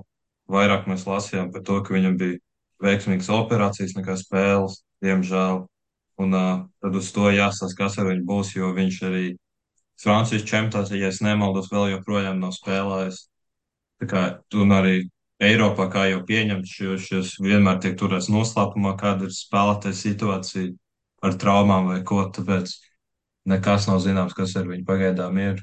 Un, un ja pagājušajā gadā bija trīs, trīs tādi gari, tad tagad būs veseli četri, no kuriem Gamba Walkers, es pieņemu, ir plānos kaut kā galvenā zvaigzne. Un, uh, tur uzreiz, protams, rodas uh, kaut kāda veida kom konflikts ar Maiku Džeimsu. Jo, nu, Maiks Džeims ir arī viens no tiem spēlētājiem, kas vienmēr grib būt komandas pirmā izvēle uzbrukumā. Un, un es nezinu, kā ar to būs tagad. Tas tas ļoti liels jautājums man. Bet es, es nebūtu laikam tik pārliecināts, ka Kemba tiek plānots uzreiz kā komandas pirmā zvaigzne. Jo es domāju, ka viņi uz to drīzāk skatījās kā tādu ļoti labu addišanu jau esošiem aizsargiem un vienkārši tādu strāzeli izstumšanu ārā no pilnīgi jebkādas rotācijas. Varbūt izņemot Francijas čempionātu. Vienkārši varbūt viņi nepadomāja uh, par to, ka, ka Kemba ir milzīgs vārds un, un ka šis milzīgais vārds var uzreiz sāpināt uh, komandas princesi. Tā es atļaušos teikt. Spēcīgi. Nu, nē, nav nekas pret Maiku. Vienkārši nu, tur diezgan skaidrs, ka principā, viņš ir vienīgais, kuram varbūt ir tādas uh, izteikts problēmas ar to, ka Kemba ir ieradies uh, ir, uh, Azūra krastā. Jā, nu es arī, no, lai interesantāka diskusija, gribētu būt tāds tā kā balīts bojātājs un teikt, ka um, Kembas piesaistīšana, ka tas nav nekas tāds, nekas ārkārtais, ņemot vērā, ka uh, nu, viens ir, protams, tas jautājums, kā viņi tur sadalīs, ja, kurš tur grib būt alfa un kurš nē. Bet uh, arī tas, ka, manuprāt, ja, ja vien viss ir veseli, kāda starpība? Tev ir trīs labi gārdi vai četri labi gārdi. Kā, kāda starpība, kurš iemet tos 45, 50 punktus? Viņa trietā vai viņa četrtā? Tagad vienkārši, nezinu, piemēram, katrs no tiem iepriekšējiem trīs gādiem spēlēs par, piemēram, piecām, septiņām vai varbūt desmit minūtēm mazāk. Katrs metīs, piemēram, tur pa četriem punktiem mazāk, un Kēma paņems kaut kādu daļu. Bet vai tas palīdz vairāk uzvarēt, es nezinu. Es neesmu tik drošs, un tāpēc es tādā tā kā. Nē, esmu tik ļoti uzhaipojies par šo visu. Protams, būs interesanti to redzēt, bet vai tas reāli maina tavas iespējas uzvarēt titulu, es nezinu. Es teiktu, ka tas palīdz uzvarēt uh, tādā ziņā, ka tev ir vēl viens elites uzbrukuma spēlētājs tajā brīdī, kad viņš ir vesels, kas ir, kas ir svarīgi viņa, viņa, viņa sakarā. Un, un tas, ko teica, ka, mm, ka vienkārši katrs spēlēs par 5, 7 minūtēm mazāk, metīs par 2, 3 metieniem mazāk, lai, lai tas viss izlīdzinātos arī uz kēmu. Nu, es domāju, ka Loidam un Kobo ar to nav problēma. Uh, un, un, es domāju, problēma... ka viņi vienīgie to darīs. Es nedomāju, jā, ka arī... viņi mainīs kaut ko. nu, jā, tur redzat, tā problēma vienkārši tas, kā Maiks uz to visu reaģē. Bet uh, man jāatkārtojas un jāsaka to, ko es teicu arī iepriekšējā epizodē. Es redzēju to, to spēli pret uh, Asvelu, un tur Maiks izskatījās reāli labi. Viņš tur izskatījās reāli labi. Kēmas, kas jāatzina. Nu, jā, nē, nu, tas fakts, jā, bet viņš, tas, viņš izskatījās motivēts. Viņš, tāpat kā, kā es teicu, arī, kad, eh, kad es biju uz, uz Final Four un klātienē to pirmo puslaiku vērojot, ka viņš izskatījās tiešām ļoti motivēts savā darbībās. Uh, tagad bija tas pats viņa sakarā, un tas man liekas, jau ir daudz, ņemot vērā to, ka, ka uh, neskatoties to, ka ar vai bez gēma, bet vēl ņemot vērā to, ka viņam tomēr, viņš tomēr uzdeva komandas vadībai jautājumu. Un, kad tika parakstīts Kemba, un, uh, un, un viņš nesaņēma atbildes. Kā, redzot, zinot to, kāda bija tā situācija tajā brīdī, un to, ka viņš šobrīd izskatās motivēts vismaz sezonas sākumā, nu, man liekas, ka tas jau ir daudz. Bet, uh, mēs varbūt par daudz aizrunājamies par Kembu, bet kāpēc es sākumā teicu, ka bez viņa man šī šķita 11 no 10 starpsezona uh, Monako ir tas, ka principā uh, viņi ir saglabājuši visu sastāvu. Principā Čīma Monēka viņam bija ļoti maz loma pagājušā gada, gada rotācijā, un līdz ar to tas ir ļoti svarīgs sezonas sākuma. To gan, jā, kā jau, kā jau minēju, var pabojāt tas, ka, ka Maikam ir uh, potenciālās konflikts situācijas ar vadību, ar Kempu un varbūt vēl kaut ko. Uh, lai gan Kemba it kā esot baigi labs komandas džeks, viņi tur Bostonā visi mīlēja. joprojām ir Teitumam kaut kāds baigais čoms. Tur, kā, viņš varētu būt teorētiski tāds labs palīgs tajā ģērbtuvē. Tīpaši ņemot vērā to, ka viņš ir veterāns, bet atkal nevar zināt, kā viņš reaģēs uz to, ka viņš tomēr ir Eiropā un kā viņš jūtas par šo spēlēšanu Eiropā. Jo paši zinām, ir amerikāņi, kas atnāk un domā, ka neviens nemāķi basketbolu spēlēt. Bet tā gluži nav. Uh, atgriežoties pie sastāvā, viņi atrisināja, manuprāt, galveno problēmu ar uh, metējiem garajā galā un piesaistīja Pēteru Kornelijē vai Kornelī, kā viņš tur izrunājās. Uh, Es domāju, viņam būs milzīga loma, un, un viņš arī iedod pavisam citu dimensiju viņam tajā garajā galā.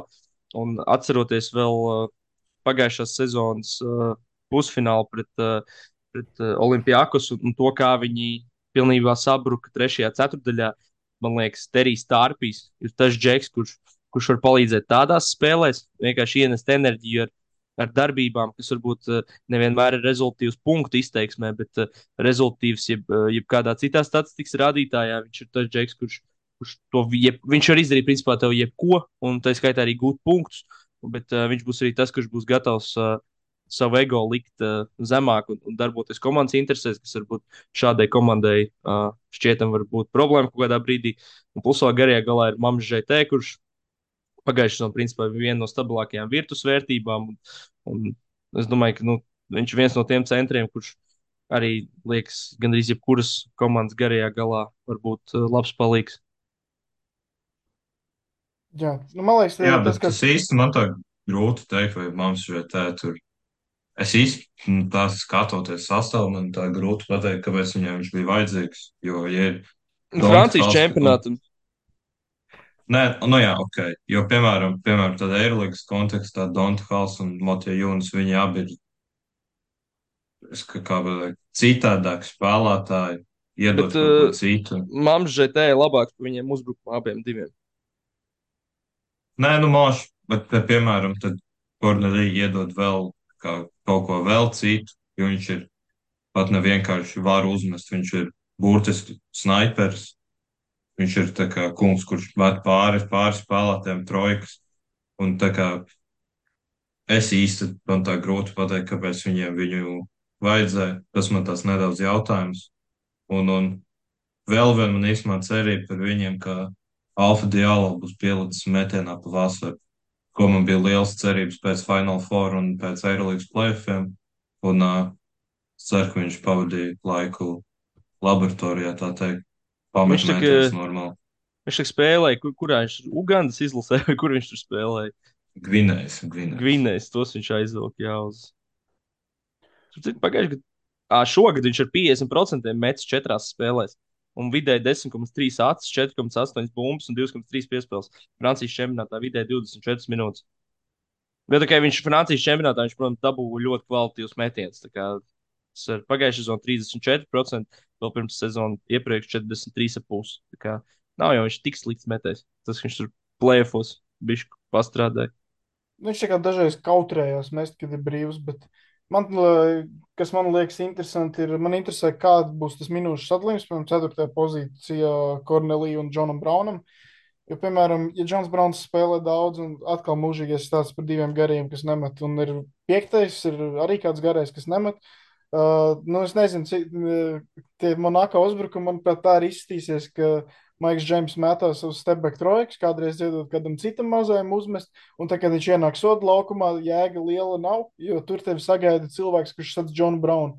Un Džons Brauns vienkārši stāv brīvs uz pustālā, un vienkārši viss spēles skaties, kā ja, jebkuru var sekt pa divu sodu laukumā, un tad atmest Džonam Braunam, un īsti jēga nekāda nav. Un vienkārši arī tas, kā man atmiņā ir palikusi tā pusfināla spēle un trešā ceturdaļa, ir, ka, nu, tagad ir nopietna komanda, kas labi sagatavojas, labi sēdz un tiešām izpilda visu kā pēc grāmatas, kā pēc abecas. Tad, nu, man ir liela jautājuma, vai tas man nāko līdz galam strādā vai nē. Protams, viņiem talants ir milzīgs, tāpēc viņiem regulārā sezonā, manuprāt, nebūs nekādas problēmas, viņi būs stabila augšgala komanda, bet tā kopumā kaut kā es līdz galam neesmu pārliecināts. Es tikai varu atrast tos kaut kādus robus šajā komandā. Un vēlāk mēs tiksim arī pie komandas, kam, manuprāt, īsti nav tādu robu vispār.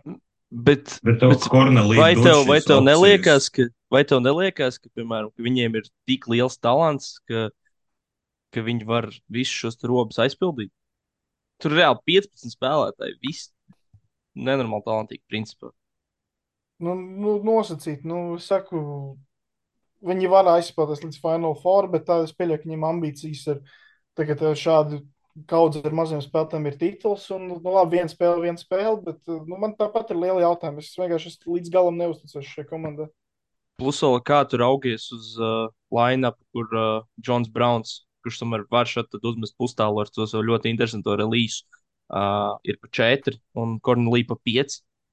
Tas jau man labāk patīk, bet tad, man, tad atkal ir divi, trīs normāli centri, kas. Uh, Hal, Donta Hals viņiem ir Jamontejons un Žaitē, tad tie trīs sanāk seši soli tikmēr. Nu, tur tā interesanti liekas. Tāpēc Tā ir, ir man ir jautājums, tajās cik bieži viņi super. spēlēs, cik bieži viņi spēlēs ar uh, diviem nemetiem garajā galā. Es uzskatu, ka viņiem nu, visu laiku vajag vismaz vienu turēt laukumā, lai tad uh, Mike James var drivot un uh, nu, izmest ārā, lai tev ir metē. Bet uh, vēl jau varētu būt tā, ka gan Blossom Games, gan, gan tas pats Alfa Diallo kaut kad tie- nospēlē pa četri, kur abi var iemest. Jā, nu, tā, tā kā tad trenerim būs uh, uzdevums, vajadzēs meklēt line-ups un tā, tā kā, nu, redzēsim, kaut, kaut ko jau tur var salīmēt kopā, bet tas nav tā teikt perfekta recepte. Es teiktu, ka Valtam Madridē ir viss perfekti, bet te vēl būs jāpastrādā. Nē, bet šeit man liekas, vēl arī. Es, es piekrītu, ka īstenībā būs interesanti apstīties, kā, kā tur vispār ko Sāšu Brādovičs būs saskāries pa vasaru. Jo tur, es tev piekrītu, ka tie gadie tur, tur viņi ir īstenībā jā, diezgan daudz. Un trīs no viņiem ir tādi, kas varbūt tikai centri, manuprāt. Un tad tev kaut kā vajag šo visu stāstu salikt kopā. Un vēl plus vēl pie tā visa tev nāk klāt tas, ka tev vajag salikt tādu sastāvu, lai neviens nav īpaši dusmīgs, jo tas nav īsti labi komandai. Piemēram, es nezinu, jā, pēkšņi ne tikai Maiks ir dusmīgs ģērbto, bet arī divi gari ir neapmierināti ar spēles laiku. Un tad tur tas arī tomēr, tomēr spēlē diezgan lielu lomu. Bet jums neliekas, ka tās, tās kaut kādas dusmas un personīgā apvainošanās ir vairāk principā, tikai Maika sakarā? Jo, piemēram, cik es esmu redzējis kaut kādas motīvas intervijas un, un vispār kā viņš runā, viņš man liekas tāds nu, diezgan tāds saprātīgs. Un, un arī diezgan zinošs kopumā. Basketbolā nav tā, ka viņam zini, tur, tur citi basketbolisti, kam vispār neinteresē. Viņš nospēlē savu spēli, notrenēs, viņam vispār neinteresē vairs nekas cits, kas notiek. Viņš liekas tāds ļoti zinošs par to visu, kurš arī seko līdzi. Un, un man kaut kā liekas, ka, piemēram, nu, vēl tas, ka viņš man liekas, ik brīdim uh, diezgan daudz uzņemas to tādu veterānu lomu, audzinošo lomu, kaut kādiem strazeliem. Uh, uh, Viņš tam tā kā Makundu, kurš ir izīrēts uz budušanos un, un tādiem džekiem jauniem. Man kaut kā liekas, ka viņš varētu būt viens no tiem garajiem, kurš, kurš varētu saprast, ka viņam, piemēram, pēkšņi vidē desmit minūtes. Es domāju, Nē, bet es domāju to, ka, piemēram, tas, ka es piekrītu, ka viņš ir top džeks, bet man liekas, ka tev kā spēlētājam, ja kurā brīdī ir eh, grūti eh, samierināties ar mazākām minūtēm. Jo tomēr pagājušajā gadā viņš bija viens no divām opcijām centra pozīcijā, un tagad ir piesaistīti vēl divi konkurenti uz tām pašām minūtēm. Un, ja es informēts, tad basketbola spēle joprojām ir 40 minūtes, un nav vairāk palicis laika. Tāpēc tas vairāk, lielāks spēles, lielāks spēles laiks motīvam noteikti nebūs nekā viņiem bija pirms tam. Un, un, nu jā, par, to garo galvu man interesē, kā tā vispār salāksies kopā. Jo vispār mazajiem pagaidām pat ir relatīvi vieglāk, jo vismaz sezonas sākumā jau Lloydam ir uh, trauma un viņš ir ārā vismaz uz kādu laiku sezonas sākumā. Tāpēc tur varbūt sākumā būs vieglāk, bet, bet par tiem garajiem man ļoti interesē, kāds, kā, kāds ir uz plāns A no šitiem visiem. Starp citu, es, es tikko paskatījos uh, Montejūnam iepriekšējās, ne, viņam trešā sezona Monako, un viņam uh, visās sezonās ir kritušās uh, minūtes līdz šim. Arī tagad Francijas čempionātā. Iepriekš bija 21, tad 16, tagad 12, un tas pats arī Eirolandā arī pagājušajā sezonā bija kritums. Tā kā es pat domāju, iespējams, uh, Donta Hols varētu būt, uh, man liekas, neapmierinātāks ar šo kritumu, kurš ir gan Francijā, gan, uh, gan Eirolandā divās sezonās spēlējis stabils 18 minūtes, un, un šo sezonu viņam ir uh, 12 minūtes tikai Francijas čempionātā, kas ir kritums par 6 minūtēm. Piemēram, Žaitē vēl nav spēlējis. Ka, nu jā, redzēsim, tur ir interesanti. Es saku, nav, nav viegli tur visu sadalīt. Un... Tāpēc, nu, saku, kaut kāda roba ir. Lai gan ļoti talants, talants liels, bet ir arī jautājumi, kas jāizrisina sezonas laikā. Bet tā, piemēram, kopumā jūs milzīgi, piekrīt, apsveic jūs komandai. piekrītat kopumā, ka, ka viņi atrisināja to problēmu garajā galā, ka viņiem ir metējs un, un tāds tārpīs ir vienkārši džeks, kurš nodara katrai komandai. Tas, jā, man patīk ar Korneliju, bet man prasās vēl kaut ko tam līdzīgu, vēl vienu tādu kā viņš. Jo sanāk, ja viņš nav laukumā, tad atkal ir problēma. 40 minūtes spēlēt ar tādu kā viņš arī man neliekas, ka ir pats labākais. Bet visu laiku kaut kāds jautājums, ja tu gribi viņus kā titulu pretendents, ja tu viņu manāko uztver vienkārši kā playoff komandu, viss ļoti labi, viss jums sanāks un jūs spēlēsiet playoffos, bet ja runa tieši par titulu, tad, tad ir tas, ka prasās kaut ko vēl, kaut ko bišķiņ citādāk. Bet es domāju, mēs visi varam vienoties, ka Monako būs top 6. Tas, manuprāt, būtu tā kā Jā, es, es iesāku šo komandu ar to, ka viņi, es domāju, diezgan, diezgan stabili. Vienīgais, ko vēl pēdējā lieta no manis par viņiem, uh, ka es, es personīgi viņiem lieku liels cerības, bet, ja, laikam, tas, ko Norčs teica, man ir sajūta, ka viņi, diemžēl, varētu arī apbēdināt. Bet es, es ceru uz, uz to pirmo, ka viņi, viņi attaisnos cerības. Nu, es arī varbūt ne līdz galam esmu objektīvs, ja esmu tāds, man ir tāda tā gaumas lieta, ka man vairāk patīk mm, tādas komandas, kas uh, tur mazāk spēlē ASO, vairāk kustina bumbu un tāds komandas basketbols, tāpēc tā kā tādā pagājušā gada pusfināla Olimpijākos pret Monako, tas ir, kā, manuprāt, divi tādi pilnīgi pretpoli, ka viena komanda ir milzīgs uzbrukuma talants, uh, kā individuāla meistarība, un otra komanda ir vienkārši tāda random papa Nikolau dod piespēles un raujas backdooros, lai gan nu, nav tā, ka viņš tur ir dribli, ja kādu varētu izvazāt, tā kā visi Monako mazie spēlētāji. Tad uh, es vienmēr vairāk atbalstu tās komandas, kas ir vairāk, vairāk piespēles, mazāk dribli, ja forši izkustinam bumbu, iemetam brīvos metienus tam līdzīgi. Un tāpēc es neesmu tik liels Monako fans, teiksim tā, un tāpēc man ir vieglāk kā, būt kritiskiem par viņiem nekā par citām komandām, jo par citām komandām es fanoju vairāk nekā par Monako. Tā kā varbūt es pārspīlēju ar visiem tiem mīnusiem, varbūt viņi ir īstenībā baigi labi, un es esmu vienkārši haters, kas cer uz citām savām komandām. Nu, ego viņiem noteikti ir lielākie. Viņu. ego, es domāju, tur viņi ir pār, pārliecinoši līderi. Un viņiem, bet es domāju, es piekrītu, ja viņi visu saliek kopā, ja visi tur sāk strādāt, tad es domāju, ka tur nekādām problēmām nevajadzētu būt. Bet kā kaut kādas jautājums zīmes tur, tur vēl ir. Bet labi, tas pirms sezonas arī loģiski. Jādod arī viņam laiks ieskaities tomēr. Un uh, gan jau varbūt doties pie viņu pēdējo divu sezonu pārdarītājiem, uh, Olimpijākas pagājušās sezonas uh, sudraba medaļnieki, kuri pazaudēja starpsezonā savus divus līderus. Saša Vezenkovs beidzot devies uz uh, NBA. Nu, nebeidzot, vienkārši devies. Un uh, Kostas Luks pieņem vieglu lēmumu un devās uz Panathinaikos. Bet uh, tā kopumā skatoties uz uh, to, kas viņiem tagad ir komandā, es esmu diezgan drošs, ka šī būs labākā aizsardzības komanda visā Eirolandā. Jo te tiešām priekš šī mērķa ir lieliski spēlētāji. Pat tas pats Brazdēķis ir uh, un nepatīk viņš uzbrukumā, bet aizsardzībā viņš ir ļoti labs, ļoti fizisks un uh, viss kārtībā ar viņu. Un, un man vienīgais, kas vēl joprojām man interesē, tas, uh, kurš metīs bumbu grozā.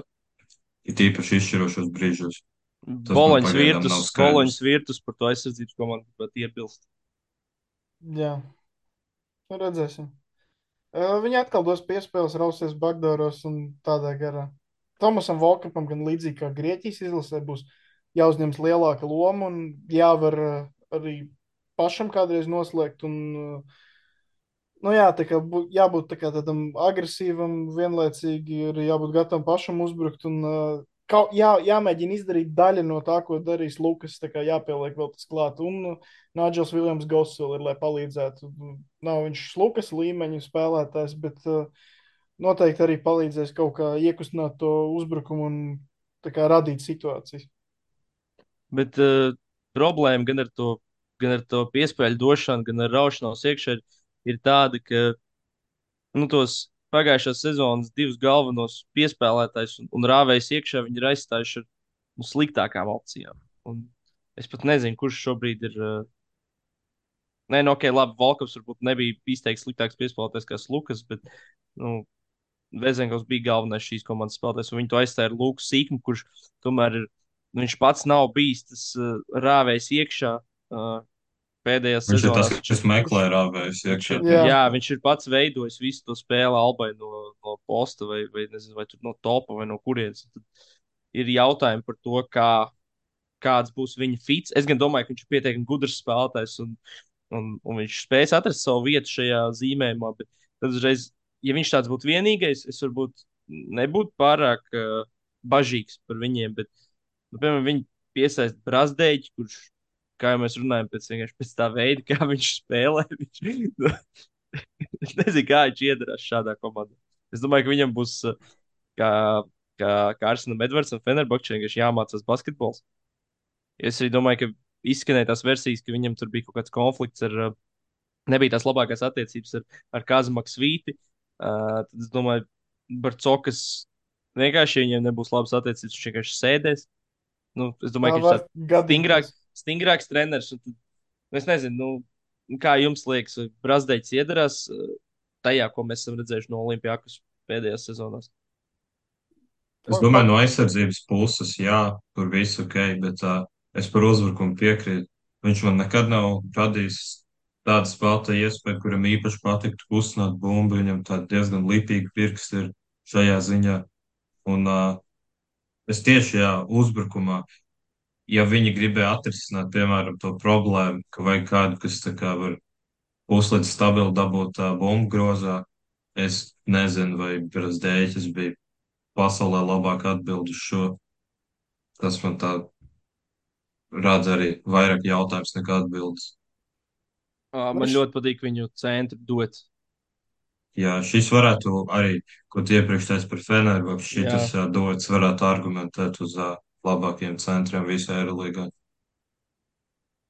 Un, un es īstenībā par to pašu Nigelu Viljams Gosu gribētu pateikt, ka, manuprāt, tā, salīdzinot ar Lukas, ok, tur uzbrukumā nedaudz pietrūks, viņš arī nav tik labs veidotājs, bet, bet aizsardzībā viņš ļoti labs.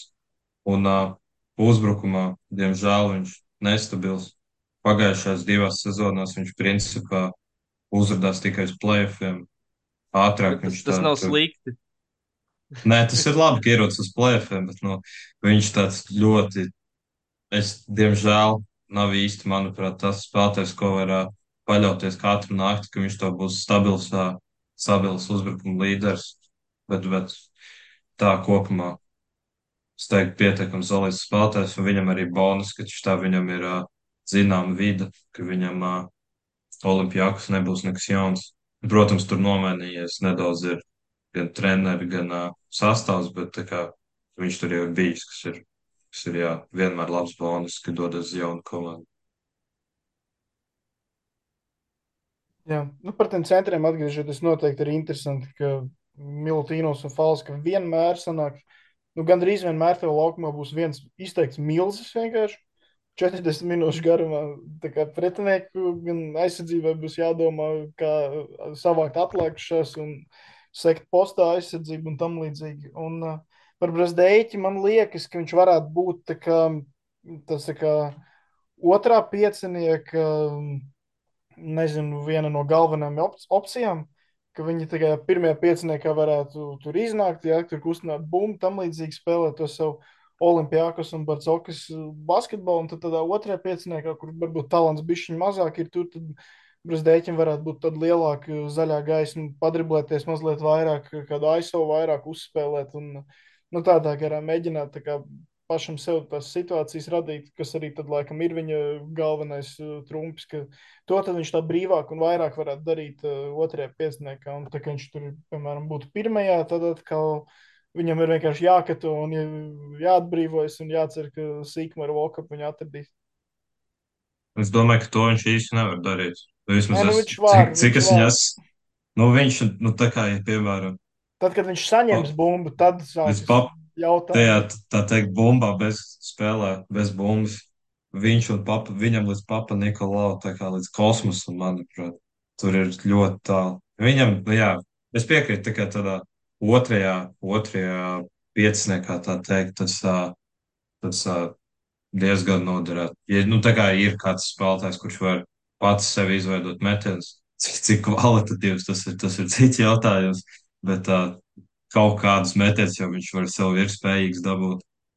Bet, uh, jā, Varbūt pat kaut kādā ziņā vienīgais, kā es varu to saprast, kā, kāpēc Olimpijākos viņu ņem, jo viņš ir tāds citādāks. Varbūt tieši tāpēc, ka tev trūkst kāds, kas tev var nospēlēt, tur AISO uzmest pēc dribla tam līdzīgi. Nu, piemēram, ir Makīsis, kas var nodrēvot, Lorenz Akim patīk, un Vokapam tagad būs kaut kas jādara. Bet, nu, tā, ka, ja pagājušajā gadā mēs runājam, ka tas ir tas, kas tev trūkst, kāds, kas var paņemt bumbu rokās un iedabūt vienkārši bumbu grozā, tad, nu, kaut kādos mirkļos tas var palīdzēt, ka Brezdeļs ir tāds tā kā nezinu, visvairāk šādās situācijās, manuprāt, jūtas kā zivs ūdenī, nekā tur citi spēlētāji, kas nav raduši varbūt tādā veidā spēlēt. kopumā īstenībā tas karēs, tas atstāv. Varbūt īstenībā, es iepriekš es, pat nefunēju Makīsiks, nedaudz piemirst par viņu. Tur īstenībā viņi pa abiem diviem, gan Brsteicis, gan Makīsiks varētu, ja, piemēram, Makīsiks reiz trīs spēles izšauja, un uh, Brsteicis arī reiz trijās aizved labu spēli. Tad, Un viņi, Akis reizes trijās, Jā, un katrā un spēlē. tad, ja, viņi, ja, izšāvis. ja, viņiem, ja viņiem nesakrīt visi, visiem vienās spēlēs, ja tur tā teikt, tie cikli nedaudz atšķirās, tad es domāju, tur var būt diezgan veiksmīgi, un pat trījiem viņi var nosakt uzbrukumu. Tā kā kaut, kā, kaut kādā veidā nosakt uzbrukumu.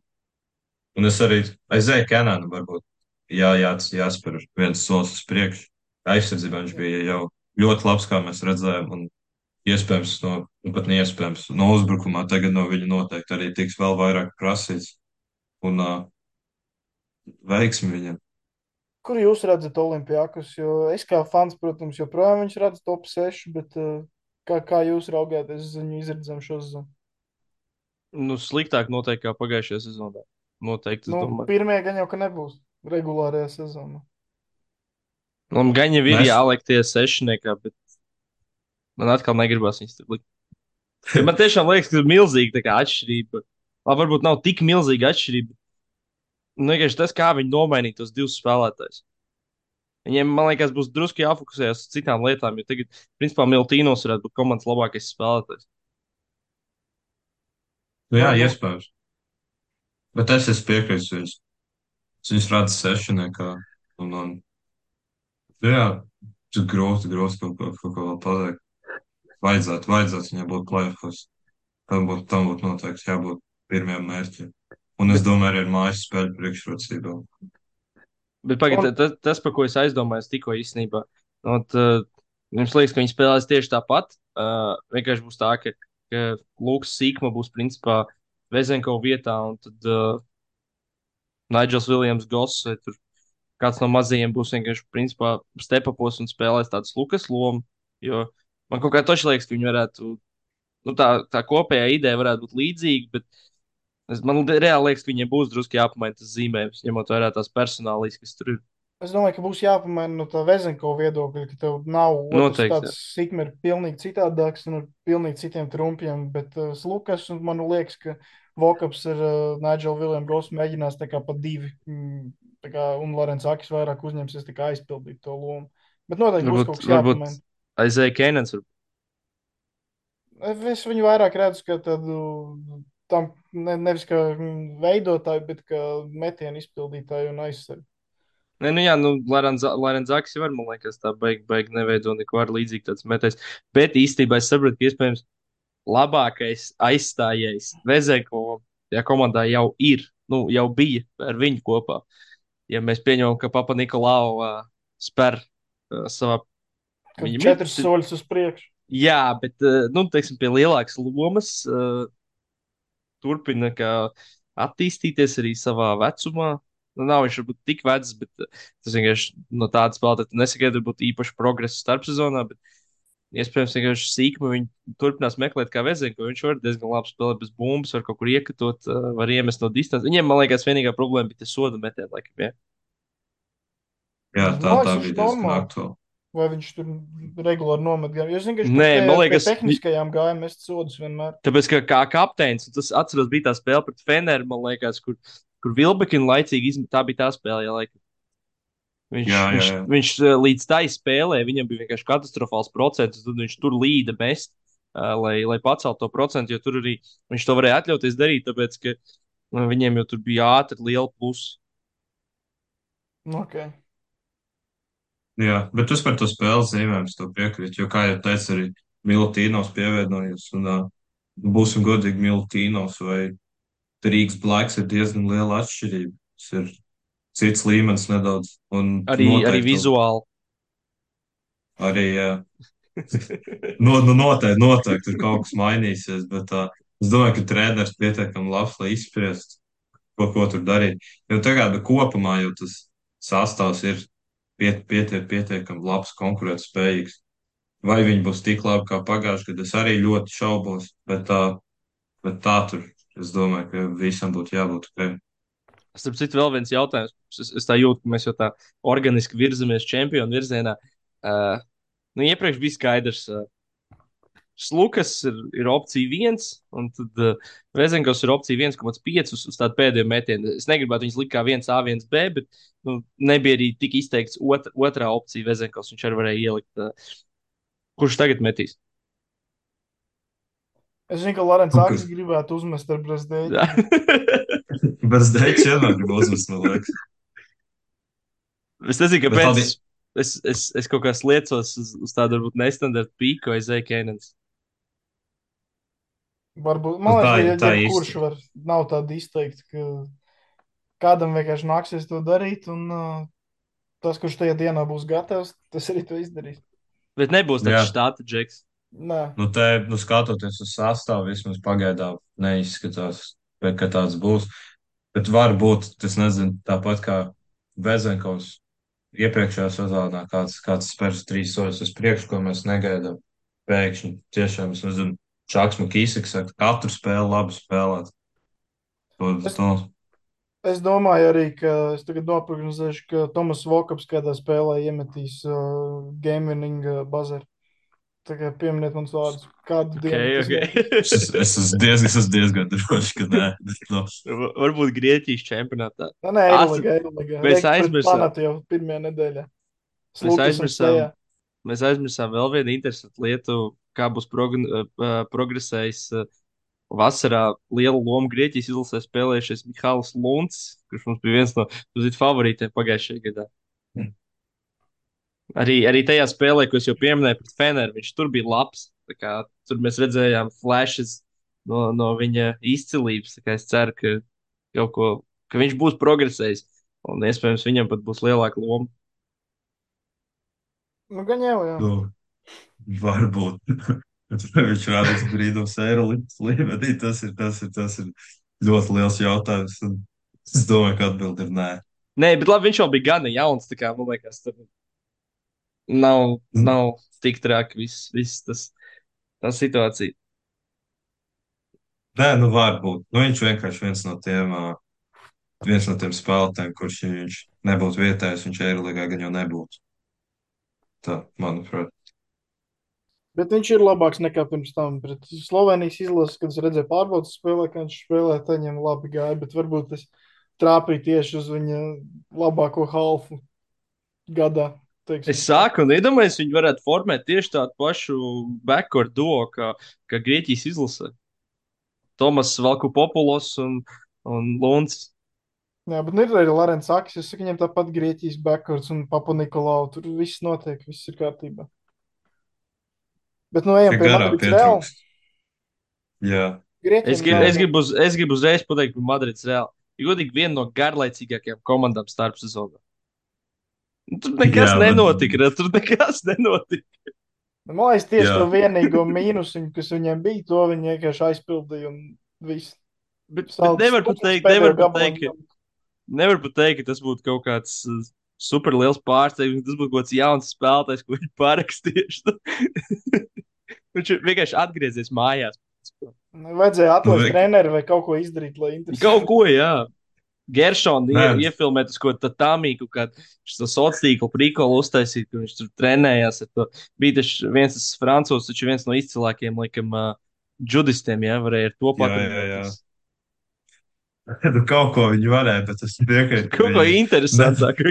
Viņi neizcēlās arī īpaši kāda, ko interesanti šajā vasarā. Jā, tā kā- Kampaso atgriezies mājās. Un, protams, tika pagarināti Rudijs Fernandes un Čančo Rodrīgas, kas, es domāju, arī nevienam nebija nekādā veidā pārsteigums.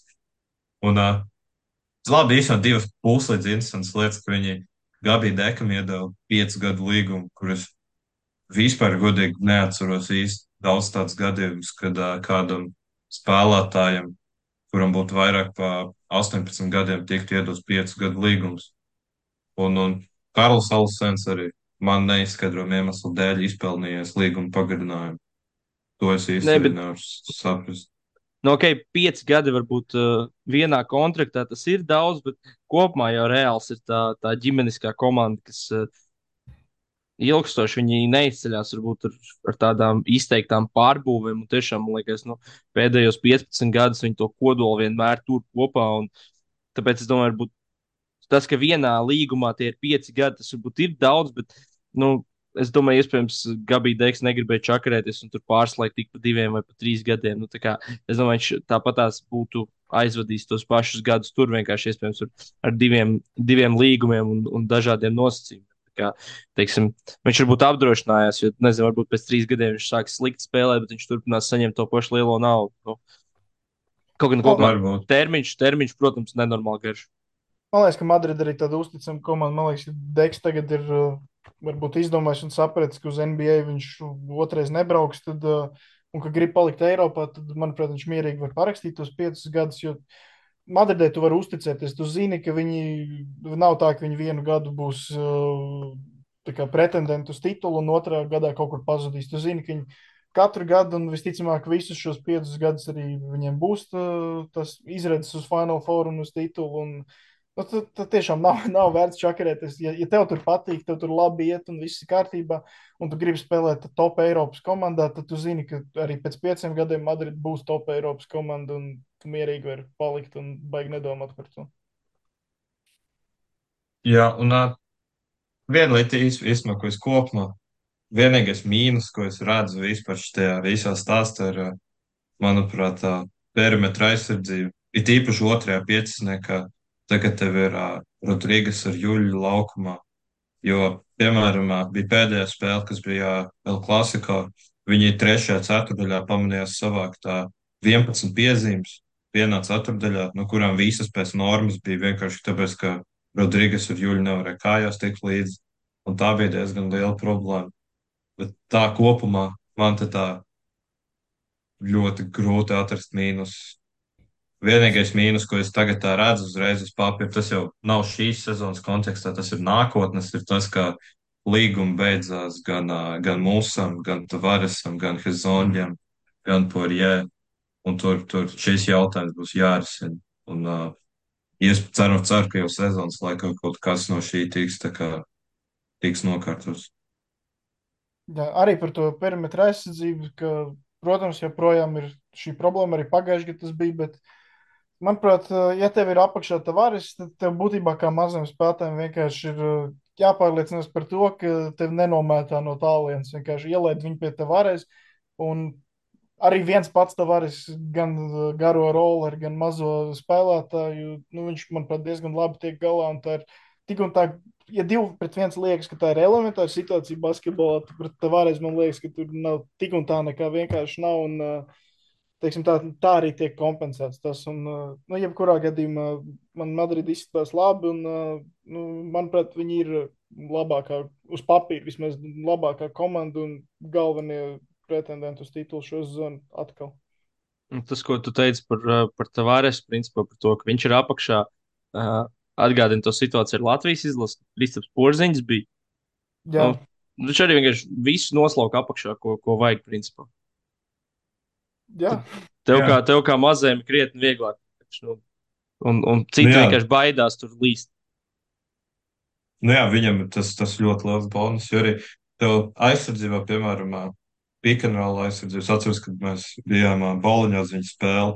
Viņš principā viens pats nosacīja to pikantrolu. Turpat tas, tas ballhandler aizsargs, tas pat nav svarīgi, ko viņš dara. Viņam, ja viņš kaut kur ir, tad labi, ja nav, tad arī labi. Jo Tavares vienkārši šito arī, ja nemaldos, Kevins Panters teica, ka pat ja viņas, piemēram, sadz flētu aizsardzībā, kur parasti pret citiem, citiem centriem, tu vari mest pret Tavares, tu īsti nemet, jo tā kā viņš to var jebkurā momentā nobloķēt. Un uh, vēl viena lieta, kas īstenībā, kas ir, nav ilgtermiņa problēma, kas tikai tagad ir, ir uh, uz pirmajām spēlēm, ir tas, ka garajā galā ir uh, Tavares ir saslims, Deks ir traumēts un uh, Elīna Dijājas pieņemu, kurš, starp citu, arī īstenībā bija, manuprāt, spējis diezgan liels solis starpsezonās priekš. Izstājās ļoti labi, vismaz uh, ACB un Superkausā sezonas sākumā. Viņam, diemžēl, ģimenē notikusi traģēdija, un māma aizgāja mūžībā viņam, un tur, es domāju, viņam basketbols noteikti tagad nav prātā, un arī kādu laiku nebūs. Un no komandas viedokļa vienkārši garajā galā pagaidām nedaudz mazāk opcijas. Un, un, bet to tāpat es domāju, ka tur ilgtermiņā viss būs ok. Jo, kā mēs redzējām, arī ar akadēmiju viss notiek un viss strādā, gan uh, savu gadu gājumu viss. Principā potenciāli labākais spēlētājs Kogo Gonzales izstājās ļoti labi ACB, kad viņš bija. Un, un pat kāds no Īsmēla Diāņa, kas bija 16 gadīgs jaunais, izstājās jau gatavs spēlēt.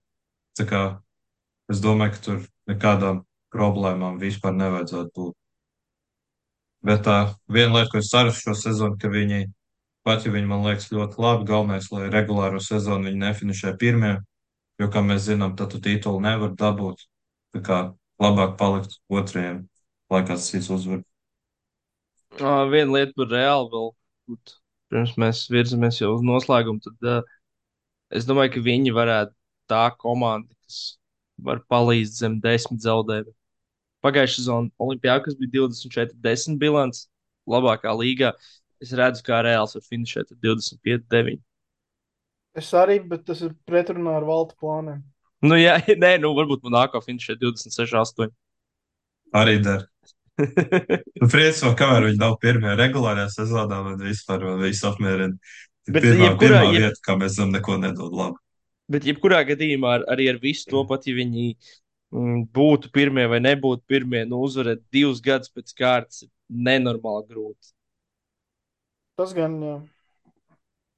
Nu, Final Four arī, zina, tā viena spēle, tas, uh, bet uh, regulārajā sezonā man nav šaubu par viņiem. Ceturtajā finālā arī nē. Final Four, Jā, nu, fa- tur jau tur mēs varam izslēgt viņus kaut kā. Nu, Final Four, jā, kā jau mēs zinām, pagā, pagājušā sezonā viņi paši tur tomēr izlīd no tādām diezgan, diezgan negaidīt, principā uzvarēja. Un, ā, Man liekas, arī Reāls ir tā, tā kā vienīgā komanda, par kuru gribas teikt, ka nu, 99% ka būs tajā Final Four. Visas pārējās, nu, tur ir tāda tā kā nu, nedrošības sajūta. Nu, bet atkal uztrāpies vēlreiz uz, uh, uz Partizānu. Uh, Šoreiz bez kautiņa. jā, nu, Bet labi, Partizans arī tagad ir cita komanda. Nē, protams, bet nu, nu, tīri okay, uz, uz, uz tāda tipa partizāna. Jo, jo, jo tas, ko, tas, ko vēlas, ir tūdis. Uh, manuprāt, ir. Sanāk, kā lai pasakā, uh, tas, ko grib tūdis, ir, ir, ir krietni uz tas, ko viņš negrib. Nu, respektīvi, ka viņš grib atpakaļ tās Krievijas komandas un spēlēt bez Krievijas komandām, ir krietni uzlabojis visu to situāciju Eirolandā. Manuprāt, tas, tas pirmais astotnieks ir krietni līdzvērtīgāks. Nu, tā plus mīnus. Pirmais sešnieks varbūt. Jā, Tad pēc tam arī tas nākamais, tā kā mēs tagad runājam, tā 3 līdz 12, 3 līdz 14, 15 vieta ir. Nu, tu nebūtu pārsteigts, ja 15. komanda būtu iespējams. Labi, tas jau būtu pārsteigts. Ne, ne tik super liels pārsteigums, ja viņi būtu trešie. Un tā komanda, kas tur būtu sākumā trešā, būtu 12. jā. Varbūt kaut kāda ātrā prognoze, kas varētu būt sezonas MVP. Alessandro Pajola. Nu, Labi, labi, nē, nē, nē, nē, nē, labi nē, Šengēlī. nē ja, ja, Virtus ir labākā aizsardzības komanda, uz ko, manuprāt, viņiem ir diezgan liels iespējas, tad es varētu teikt, es gribētu teikt, ka, ka nu, labi, mazajiem gan jau nedos. Bet, Tagad tā kā Skips Bēlis vienkārši kaut ko trāku klikus mēģina dabūt. Teiks, ka no Boloņas kāds būs MVP. Nē, nē, nē. Es, es domāju, es skatos aizsardzības spēlētāju virzienā. Ja viņi ir labākā aizsardzība līgā, kas, uz ko, manuprāt, nu, kas nav super nereāli. Uh, viņiem nav tik izteikti garais tāds aizsardzības uh, tornis, cementētājs, kurš tur apakšā visu, nu, it kā Dansons, bet nav tik izteikti. Es, es teiktu, uh, Pajola, Kordiņē vai, vai Dobričs, viens no šiem. Es liktu uz Pajola. Jā, jā, jā, of jā, the jā, jā, jā, jā. Nu, tur var būt. Bet tas ir, tas ir, viņiem ir jābūt labākajai aizsardzībai līgā, viņiem jātiek ir plēfus. Tā kā tiem nosacījumiem jāpiepildās. Viņi ir 14 vietā, loģiski nekādu, no, nekādu variantu. Jā, nu es nezinu, aizsardzības spēlētājiem es par te, tiem pašiem Volkap un Tavārēs vienkārši. Nu jā, protams, protams. Tīsmā MVP tas diezgan sarežģīts jautājums. Tagad tāpat. Varbūt šis ir Maika gads, bet Pārāk grūti, man liekas, tikt tā kā Tagad grūtāk it kā. tādā komandā, jā. vienkārši. Lai gan varētu. Bet es pat nezinu tavus sitienus. Nu, uh, ok, ja viņi teikt plēfos, man liekas, diezgan labs kols ir uh, Markus Hovards. Nu, nē. Ja viņi tiek plēfos, Man liekas, viņi netiks plēfus. nu viņš Markus Hovards potenciāli līgas rezultīvākais Nu, spēlētājs. bet tev, es nezinu, lai MVP tu dabūtu, tev jābūt, nezinu, top 3, top 4 komandai. Nu, jā, tur vienkārši grūti, man liekas, izvēlēties tādu vienu konkrētu. Es domāju, es vairāk gāju pēc tā, ka, ka kurš būs tā kā, pirmais, kas ienāca prātā, kas tā kā ļoti izcelsies.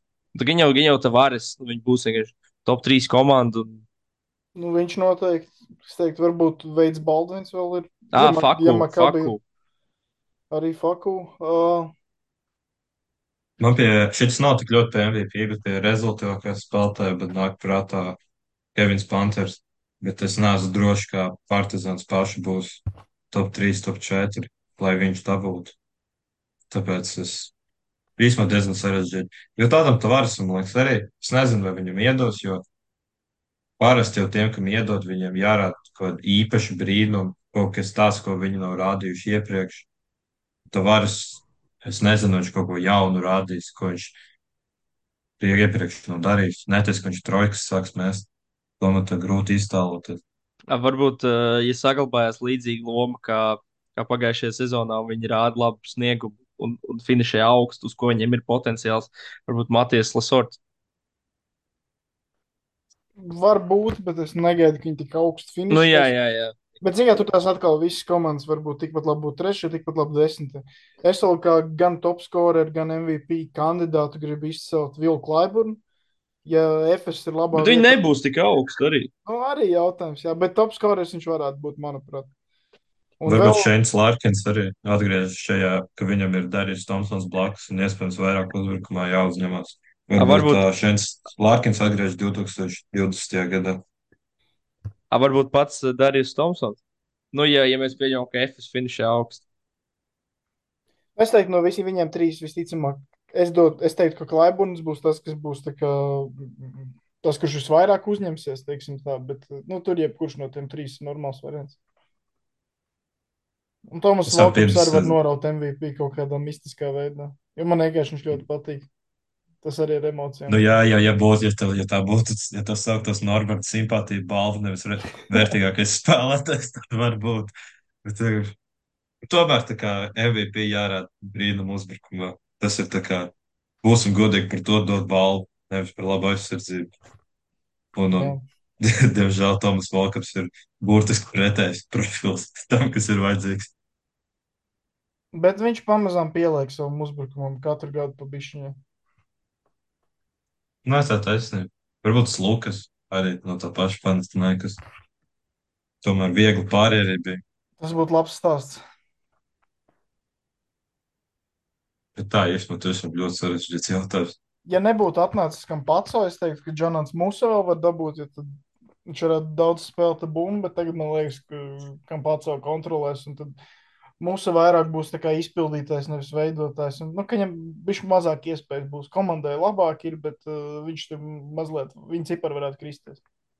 Bet man liekas, no tāda mūsu viedokļa tas pat labi, ka viņam atnāk kāds cits blakus, jo tad viņam, es nezinu. Vai neliekas, viņam brīžiem nenāk pa labi tas, ka viņam bumba ir pa daudz. Tagad viņam beidzot viņi noņem no rokām, ka viņam nav spiediens galvā obligāti uzmest. Tad varbūt tas viņam nāks pa labu. Un es nezinu, kļūs vēl efektīvāks vai ko. Bet, jā, Kaut kā Nu, tā. labi. Es domāju, ka jānoslēdz un, un jāgaida pirmās spēles, kas, kas jau rītdien. jā. Štārka arēnāts ar viens vēsts pret asfaltu, ja es nemaldos, septiņos vakarā. ku, kur dueli jūs gaidat visvairāk pirmajā spēļu kārtā? Man Grieķijas. laikam, man laikam ir, es pat negaidu laikam to tik ļoti. Virtus, virtus pret Žalgiru. Jā, Baltijas duels. Barcelona ar Efes es arī labprāt paskatītos, bet tas ir reizē, tā kā būs jāpadomā. Nu, un Olimpijākos Panatinaikus piekdien, tas noteikti man interesē. Pirmo spēli es neredzēju, viņiem ir to sagrāvu, un tagad es pastīšos, uh, kas tad ir kas. Es domāju, Reāli Bas... Baskonī. Jā, Reāli tas būs Baskonī. interesants. Nu, Reāls atkal ir zāģis sāk, diemžēl. Un tad jau redzēs, kā tālāk. Labi, ja godīgi, es, tas es, es vienkārši neticu, ka šo zonu ba Baskonī varētu četras reizes piesmiet. Es neticu, tas nav iespējams. Trīs. Nu, nē, nu, es saku, vienu reizi mākslu. Labi, es arī tā domāju. Pagaid, es atvēru vaļā flashcore. Ok, tur laikam ir bookmaker kļūda, bet tā flashcore gluks. Nevar būt, ka uz, uz uh, Baskoni ir 1,48 koeficients. Tas nav iespējams. Nē, tas nav Tas nav iespējams. Viņa arī ACB kaut ko zaudēja. Nav tagad tik, Nē, nē, tik ļoti pārliecinoši tas. Nē, tas, es vienkārši nezinu, kam tur būtu jānotiek, lai būtu tāds koeficients. Tas nav iespējams. Jā. Tā ir kļūda. Bet jā, Nu, tad, labi. Paldies, ka klausāties. Paldies, čau! Visu labi.